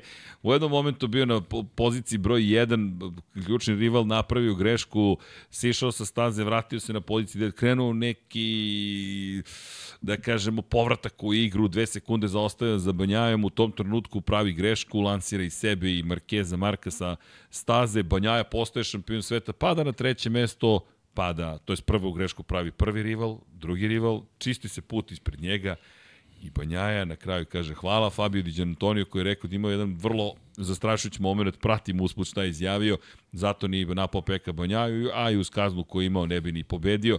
Tako da Peko, zamisli tek to da je pobedio Diđa, da ga kasnije da Peko ipak dobije pobedu, ali lepše ovako ispalo. Zašto? Pa zaslužuje svoj trenutak i slave na taj način. Počeo je pobedom sezonu Peko Banjaja, zatvorio je pobedom Peko Banjaja sezonu, odbranio titulu, ostaje mu broj 1, dve titule za redom, prvi put u istoriji da se to dešava za Ducati, čovek koji eto, je i treći u ovom milenijumu koji brani titulu posle Marka Markeza, to je Valentina Rossi i Marka Markeza, pre toga pričali smo i legende poput Mika Duana, Vejna, Reni, Eddie Lawson i tako dalje i tako dalje. Jer analizirat ćemo ono što je postigao Peko Banjaja, ali svaka čast, zaista mislim da je ovo nedelja Peka Banjaje. I time bih zatvorio priču o Moto Grand Prix, dotaći ću se naravno i Moto dvojki i Moto trojki, ali iskoristit ćemo naravno priliku da, da malo i odgovaramo još na pitanja. Tu smo, pri čemu negde oko vlada 8 i 6 minuta, 7 ćemo morati da se pozdravimo, s obzirom na činjenicu da me čeka prenos gala večeri i koncerta iz Valencije ili deki, ukoliko te ne mrzi, jel bi mogao da, mada to, to je sad oko uh, uh, Patreoni pošto to traje 9,5 minuta. Da pročitam. Da ostanem ja do uh, 20 časova i onda jurim, a ti Samo ako stignem da pratim je ono što piše. Da, da, znam da to tebi najveći. Ne zna, pa ne, nisam ih nikad čitao, pa ovaj, mogu neko ime da pogrešno možda pročitam. Možda je to deo, deo sporta. Ili da krenemo, pa ne, ili ako krenemo, hoćeš da krenemo za 15-20 minuta, da, da već polako se da, odjavljamo. Pa da, ili generalno ove dve, dva šampionata već su uveliko rešeni. Pa da, mislim, pa možemo, možemo i pričamo o Valenciji. Možemo pa da. i tako. I da krenemo otprilike nešto oko 15 do 8 da se, da se odjavljujemo. Da, i volim to, da ispoštujem sve, pa eto pa, ne da. zamerite.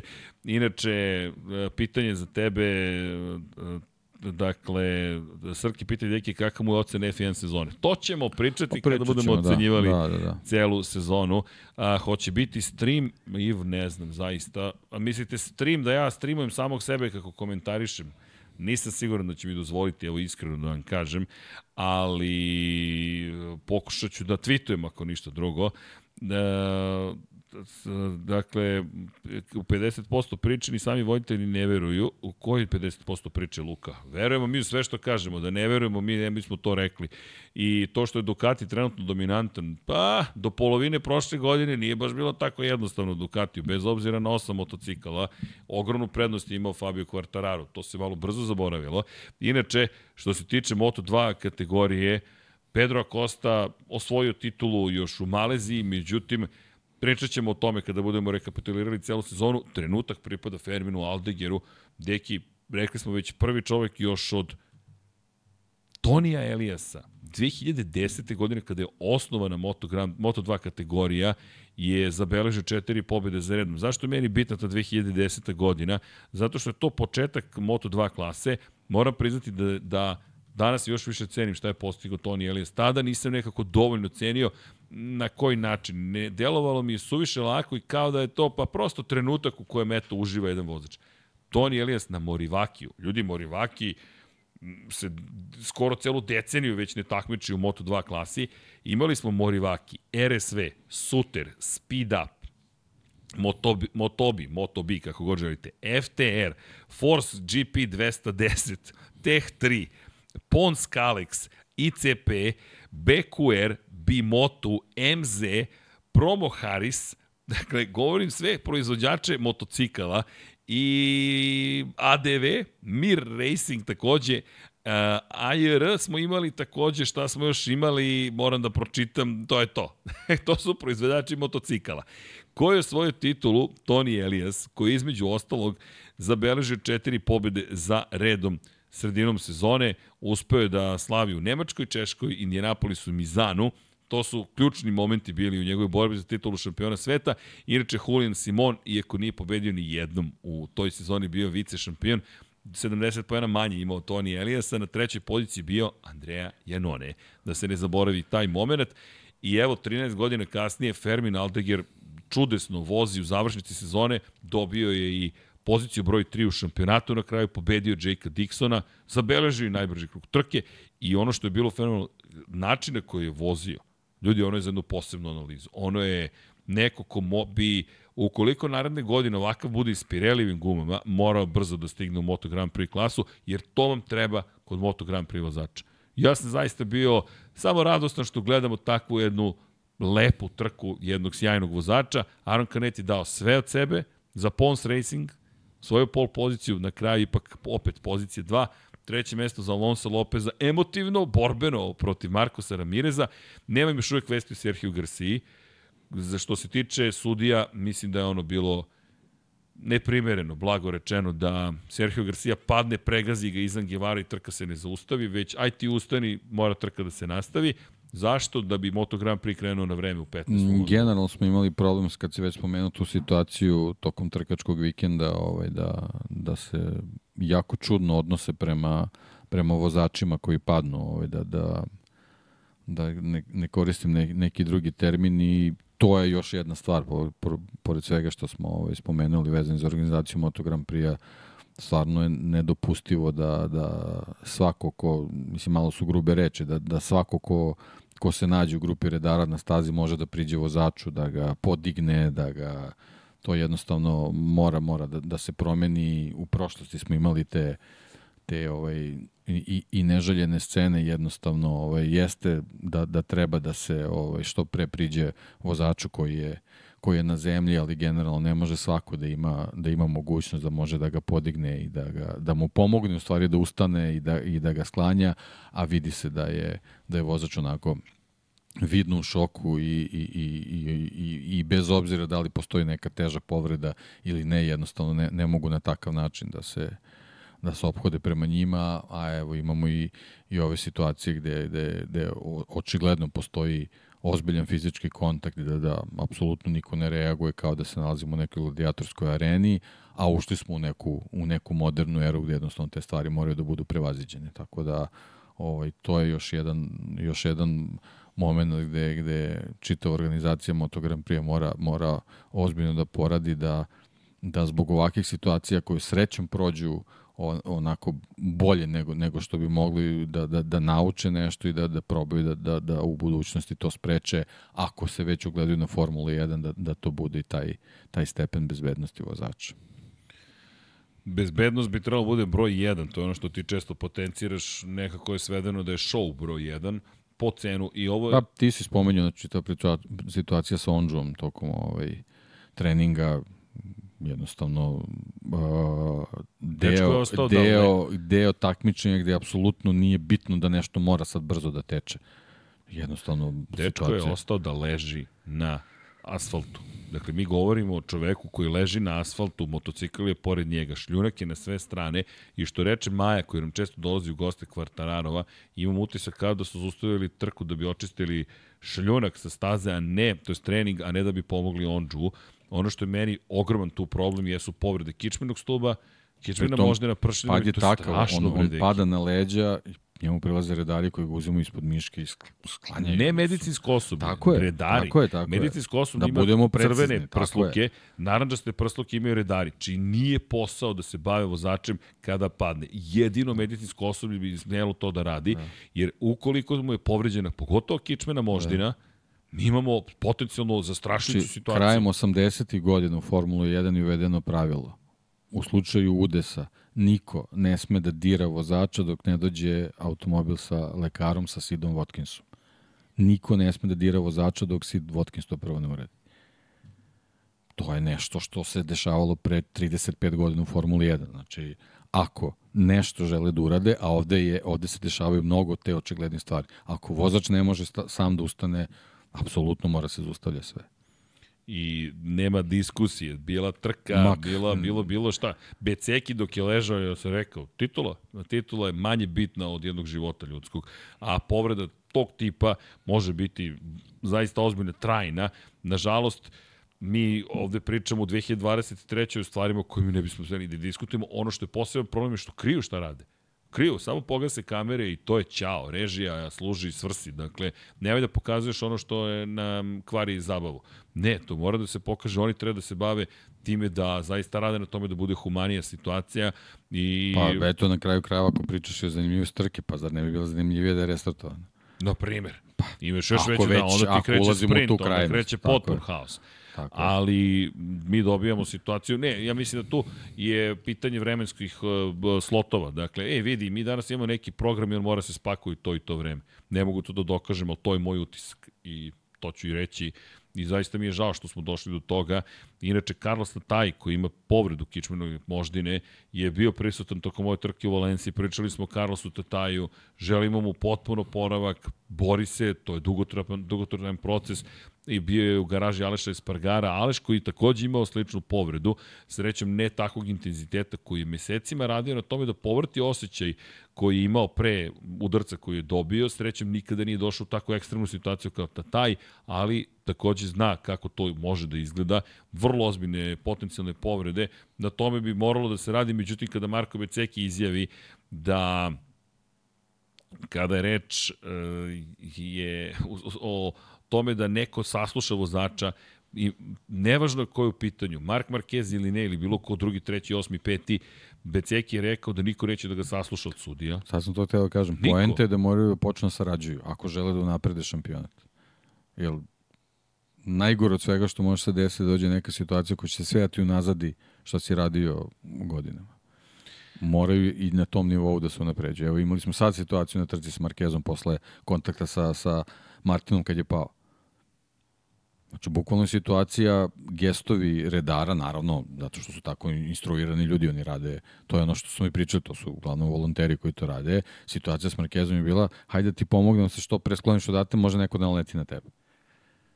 Bukvalno je tako bilo. On, on je onako prilično uzdrman u toj čitoj priči i nije neko ko treba da donosi odluku kao vozač, njemu ne sme da se dozvoli ta vrsta odluke, medicinsko osoblje mora da odluči, jer samom sebi može upravo da, to, da, da naudi. U toj, u toj relaciji, znači mi imamo situaciju da vozači se a, pretvaraju da bi mogli da, vo, da voze trku. Znači, ako se desi situacija da on stvarno ne može da ustane, onda sigurno mu nije dobro. Jer oni su pokazali da su ljudi koji kad im nije dobro, ustaju i nastavljaju. Da. Znači, ako Mark Marquez kleči, na stazi. Sigurno je znak da, nije, Neko da nešto da nije u redu. da ga pogleda. Da nešto nije u redu. Neko mora da ode da ga pogleda. I opet se vrtimo u krug, zašto? Becek je rekao ni Carmelo Espeleta neće da ga sasluša. Ali to vam je, to vam je to, taj manjak kulture korporativne u okviru Dorne koji, koji ne prati razvoj sveta, ne prati, ne prati razvoj sporta, Dakle, u Formuli 1 možemo da ih kritikujemo za mnogo toga, ali tamo ima komunikacije.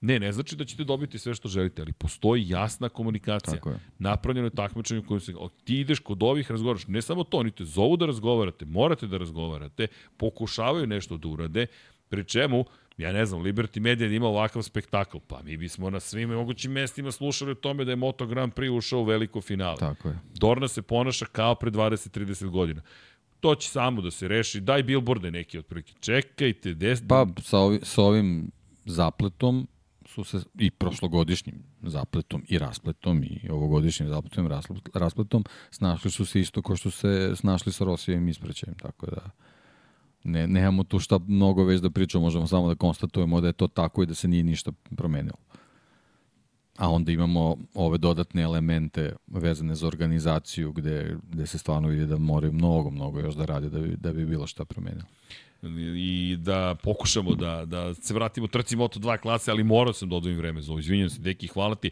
Ti vodiš računa o bezbednosti. Inače, spomenuo sam i redare tokom prenosi da ih treba plaćati i da je sramota za tako bogata takmičenja da nemaju novca za redare, ne nego štede i kada je reč generalno o pristupu, postoje rešenja koje su vrlo očigledno, vrlo jasna i rekao, dajte nama kamere ako vi nećete snimati dokumentarce, šta bismo napravili, pa je od Rosijeve oproštajne sezone, pa je od ove sezone, imaš toliko neverovatnih priča, Banjaju, imaš Martina, imaš Markeza, odlazak u Ducati, imaš Marinija koji prelazi u Repsol Hondu. Niko nije prišao Rosiju i rekao, e, kako se ti osjećaš što odlazi u Repsol Hondu? Sve su izve generički. Žao nam je što odlazi iz naše ekipe. Kako se desilo da Luka Marini završi u Repsol Hondi? Pa meni to je jedna od najzanimljivijih priča u celoj priči. Pa to treba iskopati. Kako? Ko je prvi prišao kome? Je Alberto Puđ uzeo telefon i rekao, ej, sad ću zovem Luku Marinija. Zašto? Otkud? Kada? Gde? Ko? Šta, nije kroz Rosijeve ruke prošla ta informacija? Nema teorije. Rossi koji je došao da kaže ko će da vozi za Muni Ver 46 ekipu. Jer veliki šef je Alessio Salucci. Jeste, jeste, učio je veliki šef. Zna se ko je veliki šef, Valentino Rossi. I kako on sad dozvoli da njegov brat ode u Honda? Dozvoli. Ne pita se on samo, Marini odlučuje, ali čekaj, nema šanse da nisu razgovarali. E, e brate, šej, šefe, imam ponudu, ali pod ugovorom sam s tobom za sledeću godinu. Ma, dobro, da, to je, to je na, Znaš, na to je poslovnom priča, nivou. A da. to je meni priča, toga nigde da. nema. E, on će preći, to je to. Ali dobro, priča o Moto dvojkama, bukvalno se svela upravo na ovo i na čudnu formu Pedra Koste u ovih poslednje, ove poslednje dve trke. Ne znam što da mislim, iskreno. Ne, ajde, ova prošla, eto, možda neko, neko objašnjenje je bilo taj, taj, ovaj, to, to rastarećenje, ali sam stvarno očekivao da će se dobro pripremiti za Valenciju, jer očigledno da mu, da mu u toj čitavoj priči uh, njegovog velikog talenta uh, nedostaje taj moment gde mora da shvati da mora da sebe nameći na svim poljima. I možda se to i desilo u, u, u, u tim prego, ne pregovorima, već kako je to teklo sa, sa KTM-om gde je završio u ekipi ko očigledno sledeće godine neće imati najkonkurentniji motocikl. Uh, a sa druge strane i ova priča da ti svetla reflektora okrećeš na momka koji ti je direktan rival u tvojoj zemlji da ti, da ti preuzme status zvezde. Znači, ovo je bila trka gde Pedro Acosta morao, morao da, da pokaže šta je, to, šta pojavi. je zaista. Da, a jedno je biti pobednik, drugo je da. biti zvezda. I zvezde dobijaju mnogo više stvari kada ih požele, nego ako se to je ono da, da, ali, ali moraš, moraš to, upravo to. To se desilo znači, moraš da se nametneš. Da, moraš da se nametneš nekim, je. nekim stilom koji možda očigledno Pedro nema, ali to, to, to samo njemu ide na štetu. E, tiha zvezda je bio Casey da. Stoner. Ne poredim Stonera i, i Akostu na isti način. Akosta je postigao stvari koje Stoner nije. Nije pobeđi, nikada osvojio titulu u nižim kategorijama. Ovo je čovek koji u tri sezone osvojio dve titule šampiona sveta. Tačka. Ali utisci su čudo. Utisak kraja sezone je da je Fermin Aldegar najveća zvezda Moto2 kategorija, ne Pedro Acosta. I to je ono što što nije sme da dozvoliti. Treća pozicija, treća pozicija. Negde moraš ne, da Ne, ne, apsolutno mora da bude tu. Njegovo moraš. lice mora da bude tu. A nije bilo. Da. Tek na kraju trke, pri čemu Aldegar koji se oduševljava, četiri pobjede za redom, dva treća mesta pre toga, gotovo da, da, da da ne može niko da ga zaustavi. Ja ne vidim ko će, ko će sad da mu stane na put. Da ne menjaju gume. Da. Ja bih sad tipovo na Aldegira. Ali sa promenom guma, Ne da. znam. Dobro, vidit ćemo. Znaš, ne. možda mu još više je, budu odgovarali, ko možda, zna. Da, možda bude sredina kolone. Samo je sada to nova da. velika varijabla koja menja mnogo On toga. On je samo s ovim izuzetnim rezultatom pokazao da, da, da posjeduje isti takav i talent i nije bez, bez ovaj razloga bio toj varijanti za, za VR46. I ne, ne da. zaboravi, priča se da posle ugovora koji ističe 2024. navodno Paolo Campinoti već ponudi ugovor za prelazak u pramak 2025. Što već znači da neko neće biti od ove dvojice Martina i, i, i Morbidelija da. u pramaku. Najvjerojatnije Martin, koji mislim da ne želi više da provede vreme u privatnoj ekipi, kakva god bila, sad na njemu je da nađe svoje mesto pod suncem, bit će dramatično sledeće godine ko će gde potpisati i za koga, ali u ovom trenutku kada pričamo o Aldegiru, eto, budućnost deluje vrlo dobro, međutim i njega čeka isto. Ako ti pobegne trenutak, ako popustiš, zaboravit ćete. Prosto takav je sport. Dok nemaš, ne znam, 70, 100 da, pobjeda. Osim, osim eto tog da kažemo, kiksa u, u nastupu vezano za, za, za Pedra Kostu i, i, i ovaj, Moto2 ovaj, čitav šampionat, nekako se to postavilo i, i, i ispada tako. Znači, te dve najveće zvezde za koje Moto Grand Prix Karavan bio zainteresovan, bio je Pedro Costa i Fermin Aldeger koji se priključio toj čitavoj priči u trenutku kad uopšte na njega nismo uh, ovaj, ni, ni, ni, ni mislili, a što se mene tiče, ne znam, Toni Arbolino i na ovoj trci ponovo pokazao ono što je pokazivao i čitave sezone. Koliko god Petro Acosta može da bude loš, Toni Arbolino može da bude lošiji. Au. I to je u principu uh, razlog zašto je završio tu gde, gde je završio a, a borio se u nekom trenutku za šampionsku titulu. Ovo mislim da je najtačnija i najsurovija ocena sezone Deki Bravo. Da 12. pozicija za Kostu, 16. pozicija za Toni Arbolina. To ne može Kao da se takmiči bude... da bude loši od Pedro Costa. ne može, ne može Pedro da. Costa da bude toliko loš koliko ja mogu da budem loši. Ovo da. moram da zapamtim. Da. Jer ovo je na nivou, ne možete toliko da. malo da me platite koliko ja mogu malo da radim. Državni da. posao. Bukvalno. Da. Ali, da, na kraju ne znam, meni time, bodova. time potvrdio, mislim, ja sam u jednom trenutku, ono kad smo pričali, kad nismo ni znali kako će da se razvija ta situacija sa prelaskom u Moto Grand Prix, dok Aldeger nije bio tu gde je bio, ovaj, meni, je, meni je raspored tih vozača koji trebaju da idu u Moto Grand Prix bio Acosta, Dixon, Arbolino. Znači, nijednom trenutku mi, me nije uverio da, da treba da bude odmah tu uz rame Pedra Kosti da, da, da on treba da bude taj koji treba napraviti taj korak u karijeri. Evo, nažalost, u, u toj završnici sezone to pokazao i između ostalog je na neki način i olakšao života Kosti koji možda i ispao van forme baš zbog toga što, što više nije imao ozbiljnog rivala u, u, u borbi za titulu. Pa, ne, ne znam koje drugo objašnjenje da, da, da naćem. Pazi, poslednjih pet trka, deveti, drugi, drugi, osmi, dvanesti Pedro Acosta. Tako ne izgleda da. svetski šampion. Da je tako vozio početkom godine. Kao da nije ni imao potrebu da, ali evo nama, nama ovaj, Arbolino i ovom trkom pokazuje da, da je on u stvari poslao poruke Acosti da i okay. možda i nema razloga da... I, Četvrti, da, deseti, deseti, šestnesti, poslednje četiri trke za Arbolino. Tako je.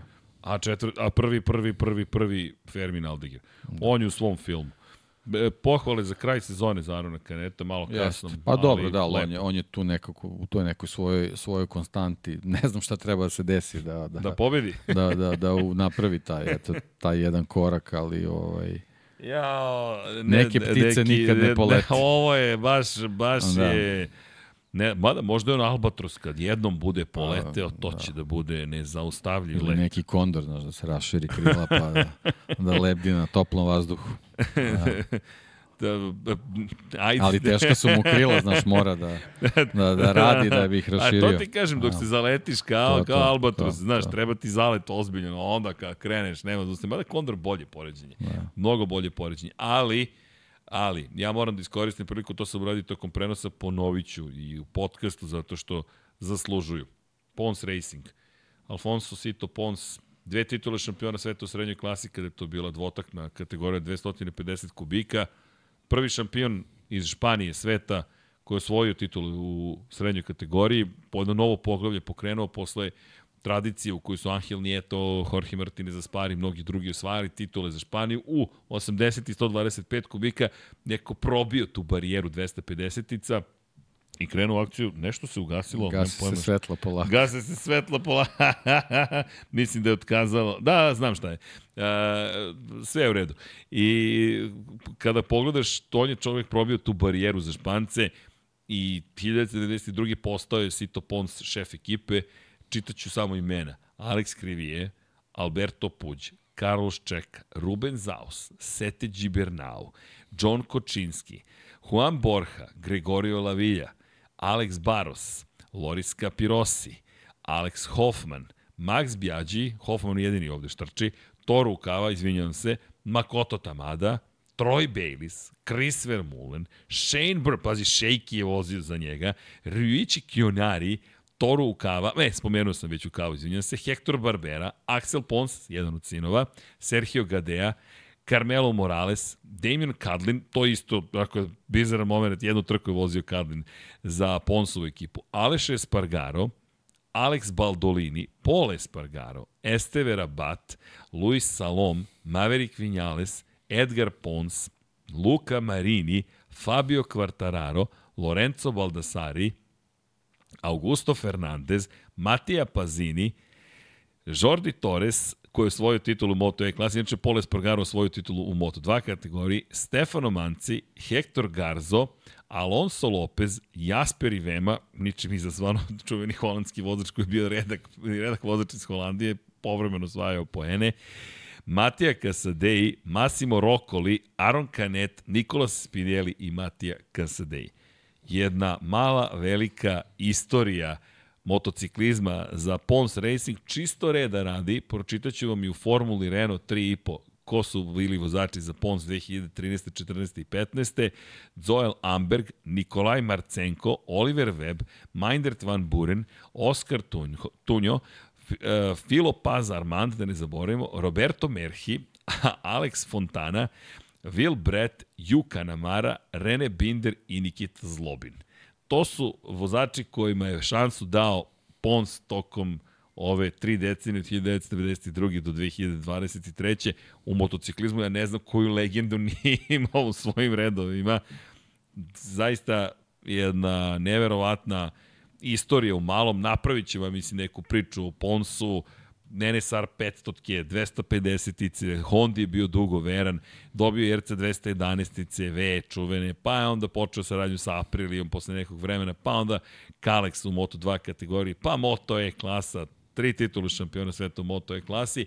Ove godine obradovo ih je Matija Kasadej titulom, zatvorili su vrata svoje garaže, tim je preuzeo Teo Martin, a Pons trebalo bi da bude konsultant za Apriliju u Moto Grand Prix kategoriji. I iz te perspektive, svaka čast za pol poziciju, zaista Aronu Kanetu, i lepo je to bilo vidjeti. Drugo mesto je zauzeo na kraju trke, to negde, to su neke, rekao bih, glavne priče. Ima tu još mnogo priča, pričat ćemo o njima u analizi same sezone. Marcos Ramirez koji je počeo u završnici da se sve češće pojavljuje tu u vrhu Manuel Gonzalez itd. itd. Deki gleda na sat, upozorava me da je 19.55, što me dovodi do Moto3 kategorije. Deki, bojim se da ćeš morati da, da ćeš izgleda imati tu, to zadovoljstvo da, da, da, da Pa ne znam, ka, možda iz ove moje perspektive, ako možeš da jedino vidiš. Tako, da. jedino tako. Ne zamerite, ali zakasniću, pa nek ne zamere patroni ili Kad da pustimo... Kad to počinje? Uh, 20 i 15. Znači, oh, moram da pa krenem da, od, od 20.05 otprilike, ali možda da pustimo bez čitanja, da sa muzikom, pa da se na taj način pozdravimo. To znamo ponekad uradimo 99 yardi, pa trojice su da. toliko stidljivi, oni da. svi vide dobro, ali su svi da. stidljivi 9,5 minuta, nešto 9,5 minuta. Kao, ja, Srki, ne, meni nije to problem, nego plašim se da, pošto imaju na neka Zanimljiva imena, imena za niko neću, neću moći da, da pročitam, da. bez brige, bez brige. Da, dobro, ništa, Ali, ajde, ajde, hoćeš da, da te vozimo podcast. onda. Ajde, uh, brzo pa, nam je mislim tako. da ću taksi, ili si tu blizu neki. Pa da. I ja, deki, da. dobro, ali onda ćemo tako. imamo uh, 10 minuta. I stižemo bez brige, bez. Dobro. Uvod, špica, sve to. Okay. uigrani smo već. Dakle, Moto trojke, romantika, ne zamerite, vratit ćemo se mi ome, ali nisam ni znao da ću raditi gala veče, veče večeras, inače ne, ne znam. Mislim da je dobro što nisam znao, ne bismo zakazali vjerojatno podcast, da. jer bi bilo tight, što kažu, ali Ayumu Sasaki. To je sve što treba da se kaže. Pobedio je čovek najzad i rekao toliko podrške sam dobio od prethodne trke, ne bih se se vraćao sada, ali bih samo napomenuo, napomenuo Ayumu Sasaki, bravo Ayumu i treba da se oprosti pobedom od sezone. I rekao da svi znaju da mogu da budem pobednik i rekao je i da svi vide da sam zaslužio da osvojim titulu, da sam je osvojio, nije ju osvojio, Džami Masi i dalje šampion. Odlično odvizao protiv Davida Alonsa, Samo kratka sekvenca poslednjeg kruga gde Alonso traži mesto, traži mesto. Sasaki je sve to zatvorio i brzinom i pametnim potezima, ali pogotovo poslednja krivina nije mu ni prišao David Alonso. Alonso, verujte, nije pokušao da pomogne Jumu Sasakiju nego je pokušavao da sebe dovede do pete pozicije, pete pobede, oprostite, ove sezone. Pazi da je pobedio pet pobede u 20 trka, deki 25% uspešnosti za Davida Alonso, fenomenalno, ali Alonso samo odbranio svoju poziciju broj 3 u šampionatu i, mnogo, i razmišljao o tome, rekao, drugi sam u trci dovoljno da ostanem treći, ali lepo kazati da se vodilo tome računa. Ivan Ortola, inače najzad ponovo na pobjedičkom postolju, bio na poziciji 3, ali dan pripada Ayumu Sasakiju. Inače, Colin Vejer koji je svoju pol poziciju pao pripremno u krugu. Deki, ne znam šta je s tim pripremnim krugom, ali Sasaki u Indoneziji, sada Vejer u Valenciji, nemam pojma, stvarno. Zbunjujuća situacija, ali desilo se. Kako god četvrti Vejer na kraju, ali Ayumu Sasaki, svaka čast. Sve lepo Svaka odradi. čast i sad je samo bitno ovaj, kad krene sledeća sezona da vidimo znači, da li je ova pobeda došla zato što više nije bilo pritiska i nije imao šta da izgubi ili je ili je ova pobeda u stvari samo potvrda te njegove brzine za koju znamo da ima da ima ovaj tako da ovaj to je to eto drago mi je što je zabeležio tu pobedu čisto kao kao eto nek, neki neka mala uteha za za za ono što mu se desilo ovaj u, u finišu sezone ali eto generalno ovo je ovo je možda i i i, za njega neka škola da u stvari shvati kako mora da da vozi da bi, da bi mogo da, da, da osvoji titul. Jednostavno, pozicije moraju se brane, mora se bori za njih i ovaj, ako to bude tako, on će i sledeće godine biti konkurent za titulu, samo ovaj, ima sad jedno, jedno veliko iskustvo iza sebe i može samo da izađe jači svega ovoga, tako da ovaj, eto, drago mi je da, da, da, je, da je uspeo da, da, da, da, da se popenja te naj, najviši stepenik, ovaj, malo je kasno došlo, ali eto, generalno ovaj, može da, da, da zatvori ovu, ovu sezonu na, na, na, na taj jedan da kažemo ovaj pozitivniji način i da da se što bolje spremi za sledeću, a kažem svi znamo ima ima tu brzinu, mora samo to da pretoči kroz više pobeda da bi da bi mogao da se da se ovaj da bude ozbiljni konkurent za titul za titulu nego, nego, nego što je bio ove godine u smislu te svoje agresivnosti na stazi. Moto2 će biti baš veliki test, zrelost. Da. I za sve koje odlaze, a odlaze ih puno. Međutim, vrati, vratit ćemo se možda, mislim, Valenciji u pregledu sezone. Bila je klasična Moto3 trka, to je ono što se meni dopalo. E, skinuli su rukavice i krenuli. Bum, Dobro, i ova staza je, ono, M, što je motostaza, M što je za, za, za trojke, odlično. Stvarno. Ali čisto trkanje. Jeste, Denis Ondžu inače bio peti, Ondžu koji se oprostio od ekipe, mnogo spaljivanja guma na kraju sezone, prostava za Leopard Racing i Jaume Masiju. I prosto bilo je nekako lepo završiti sezonu, pogotovo što je bilo sunčano. Nije bilo toliko toplo, mogli ste vidite po dahu vozača kada završe kako izlazi prosto kondenzacija, ali, ali bez obzira ovako, zubato možda sunce, ali pozdravi za one koji su bili u Valenciji, koji su se nadam se lepo proveli Mnogo je bilo lepo videti iz zastave sa ovih prostora pokraj same staze i kako ljudi se vesele, uživaju, idu na trke, rade neke stvari koje zaista vredi učiniti tokom svog života, neko mi kaže počelo je. Ja se izvinjam, u 20 i 15 tek ulazimo u gala veče, tako da znate, mislim da nema slobodnog programa. A eto, počinje kada Srki dođe u studiju. Tako je, tako je. A, pa nisam, ja čak nisam ni znao da ćemo to da radimo do danas, ali ok, mislim da je vreme da se spakujem. Ajde. Deki, a evo vidite magiju, sad sam ovde, a a bit ću uskoro. Tamo negde. Ej, ljudi, šaljemo mnogo ljubavi, vratit ćemo se, ja se nadam u utorak, makar kratka rekapitulacija događanja sa staze. Nadam se da će imati neke nove informacije, nadam se da ću biti dovoljno zdrav da odem za početak, ali za sada deluje da će sve biti okej. Okay. Ljudi, pre svega, mazite se, pazite se, budite dobri jedni prema drugima, Vozite računa jedni prema drugima i budite uz nas. Zašto? Pa nadam se da vam je zabavno i zanimljivo. Zaista povedite računa i o svom zdravlju, momci pre svega. Podsećam vas, Movember, puštamo brkove, neko mi je rekao čudno izgleda, da znam da čudno izgleda, tome je poenta da vam skrenem pažnju na moj bizarni izgled. Iz moje perspektive, ko nosi brkove, on izgleda normalno, svakodnevnica je takva. Imaš pitanje da li se briješ 4. decembra, nemam pojma u čemu je trik ognjen pita. Nemam ali, pojma, ali ne. Ali ne.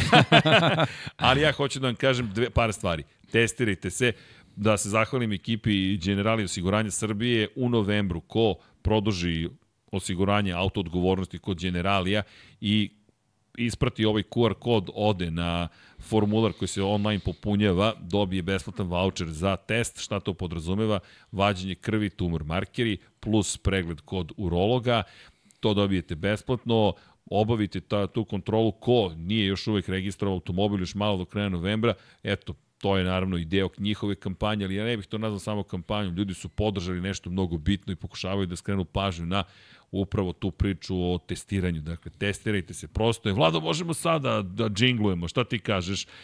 Ja ću da požurim. Ajmo, a ćemo da budemo brzi, jer šta kaže poruka, testiraj se prosto i testi se i prostatu, testiraj se prosto i testi se i prostatu. Ja obavih test, sve je cool. Uhu. Tako da znate, rekao, imao sam neki mali moment, neka urođena cistica na bubregu, ali kažu sve je u redu. Kad naraste do 7 cm, onda ćemo da je dreniramo, ako vam je ta informacija bila u životu potrebna. Ali šta hoću da vam kažem, eto, meri su nešto pronašli, zato što sam obavio test i ove godine. Tako da, povedite računa, ova ekipa je to obavila, na kraju su me izbušili na sve strane da bi mogli da mi istestiraju kako treba, ali vredelo je. Kliknite like, share, subscribe, Ajmo subscriberi, lajkeri, potrebni ste nam patreon.com kroz Infinity Lighthouse, shop.infinitylighthouse.com. Još danas traje, ja mislim, crni petak, sutra će valjda biti cyber ponedeljak, kako god još malo pa nestalo, rasprodate Dekijeve knjige u reprintu su, nisu baš sve, ostali su neki komati ovde po Beogradu, sad ih lovimo otprilike i hvala vam za sve. Nije ovo kraj sezonu, je tek početak čega, post sezonskog perioda i naravno priprema za 2024. Tek ćemo da se družimo. Priče, testiranja, analize, specijali, dugujemo publici Sebastian Vettel, specijal 299, uh, Take Two to smo zaboravili, negde smo obećali bili da ćemo to da uradimo i zaboravili. Ali okej. Okay da, samo za vas publika naša, publiko naša draga, ma vi niste publika, vi ste naši e, prijatelji, poznanici, juče čovjek mi kaže, oči kao da se poznajemo, kažem, pa i poznajemo se, čim volimo auto, motosport, NFL ili šta god, kosmička istraživanja, poznajemo se, mazite se, pazite se, budite dobri jedni prema drugima, pozdravit ćemo se tradicionalno, pustiti potom kadrove, to jest sva imena članova naših, učunite se i na YouTube i Patreona, a mi ćemo među vremenu već pobeći Vlado, čuvaj kuću. A Deki, hoćemo ono naše tradicionalno. Ajmo. 1, 2, 3, u čekaj, 1, 2, 3 zbog titule Pekove, jel može? Ajmo, može. 2018, 2022, 2023, 1, 2, 3. Ćao, Ćao svima!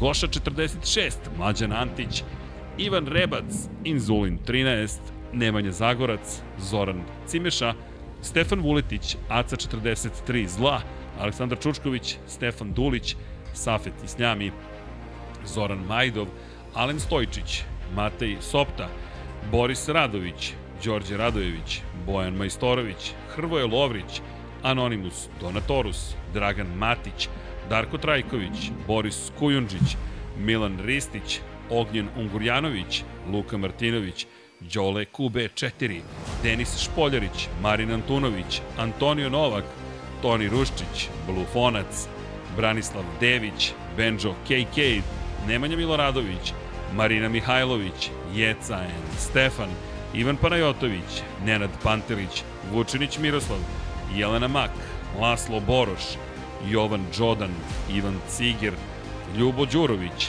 Miloš Radosavljević, LFC, Nedim, Stefan Stanković, Renata Neš, Ognjen Grgur, Dorijan Kablar, Jugoslav Ilić, Vukašin Vučenović, Jelena Veljković, Gloria Edson, Optimistic, Josh Allen Fan, Mario Vidović, Ivan, Josip Kovačić, Jasenko Sambarđić, Bogdan Uzelac, Anonimus Donatorus, Vukašin Jekić, Branko Bisački, Andreja Miladinović, Monika Erceg, Aleksandar, Vladan Miladinović, Marko Bogavac, Stevan Zekanović, Aleksa Valter, Nikola Beljić, Milan Kića, Mladen Tešić, Tijana Vidanović, Miloš Rosandić, Ivan Čule, Deus Nikola, Vojin Kostić, Marko Trkulja, Armin Durgut, Bahtjar Abdurmanov, Miroslav Cvetić, Aleksandar Milosavljević, Grgo Živaljić, Dimitar Vasilev, Branislav Kovačević, Luka Klaso,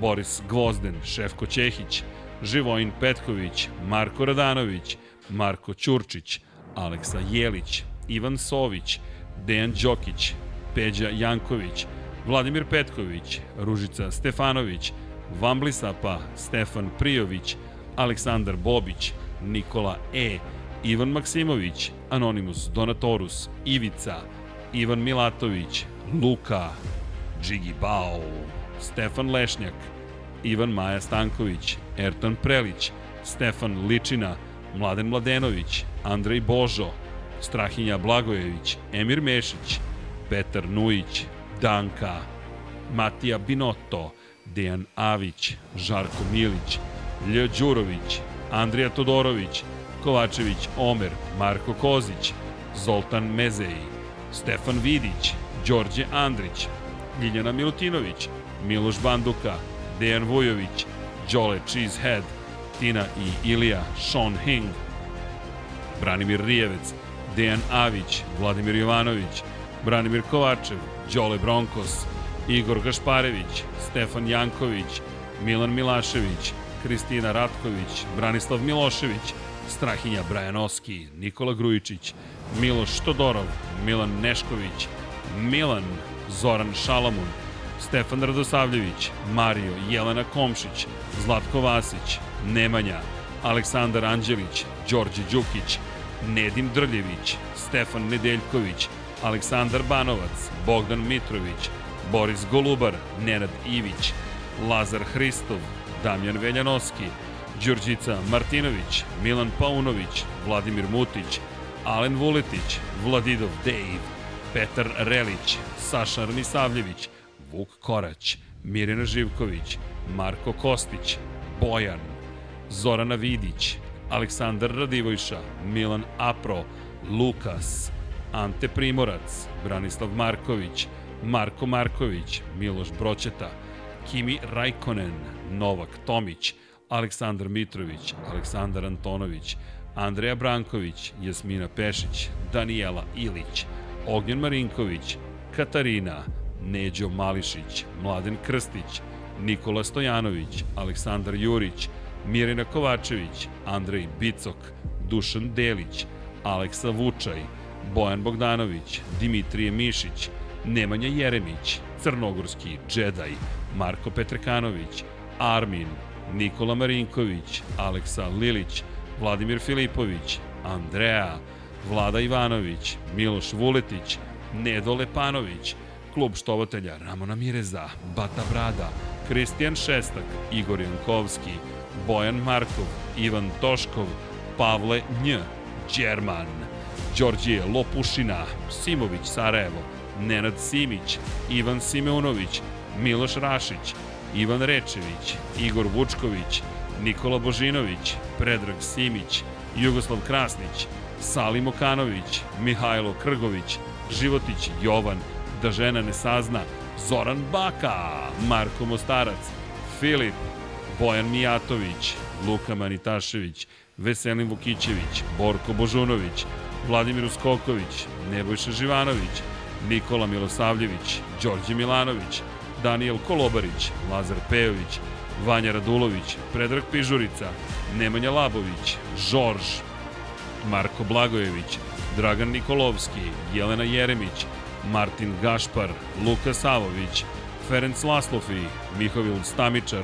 Brani Borislav Ivanović, Laslo Bolok, Klara Gašpar, Sava Dugi, Vladimir Stojadinov, Boris Erceg, Ivana, Dejan Janić, Dušan Petrović, Šmele, Nenad Đorđević, Dušan Ristić, Stefan Milošević, Sead Šantić, Marko Horg, Srđan Sivić, Matija Rajić, Borislav Vukojević, Kro Robi 00, Tomić Miloš, Zoran Mladenović, Mateja Nenadović, Nikola Božović, Kromit, Ejhil, Pujo, Domagoj Kovač Rajkov, Nedžad Mrakić, Škundra, Mrča, Vladimir Bulatović, Marina, Eldin Polovina, Nemanja Bračko, Marko Lučić, Hajrudin Hajdić, Mensur Kurtagić, Jovan Bojanić, Nikola Grđan, Bakadu, Marakos, Stefan Škrbić, Marko Bogavac,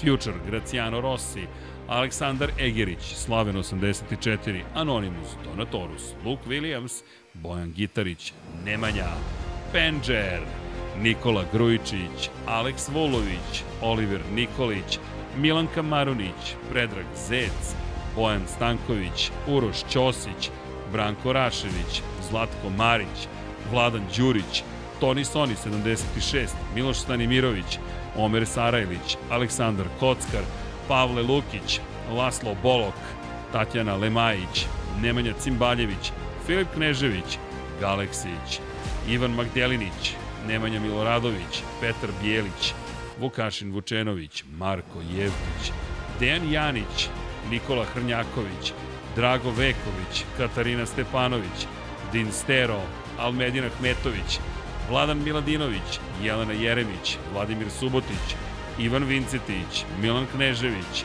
Milorad Reljić, Bojan Markov, Srđan Ćirić, Ivan Hornjak, Nikola Adamović, Almir Vuk, Dejan Plackov, Plackov, Saša Stevanović, Konstantin Mlinarević, Ivan Vujasinović, Nikoleta Minić, Đera 7, Vlada Ivanović, Mile Supudinov, Ristov, Uroš Čuturilo, Peja MD, Bruno Jurić, Ada Sokolović, Blagoj Ačevski, Aleksandar Jokić, Aleksandar Radivojša, Igor Ninić, Đorđe Janjić, Amar Taso, Nikola Vulović, Ivana Vesković, Zoran Baka, Ivan Božanić, Mađar 007, Alen Jesenović, Vuk, Marko Stojilković, Žika Sul, Jovan Bajić, Aleksandar Stojković, Edin Ustavdić, Marko Pavić, Vojislav Tadić, Miloš Zed, LFC, Josip Buljovčić, Hiljana Milutinović, Ivor M, Aleksandar P, Vladimir Vujičić, Resničanin,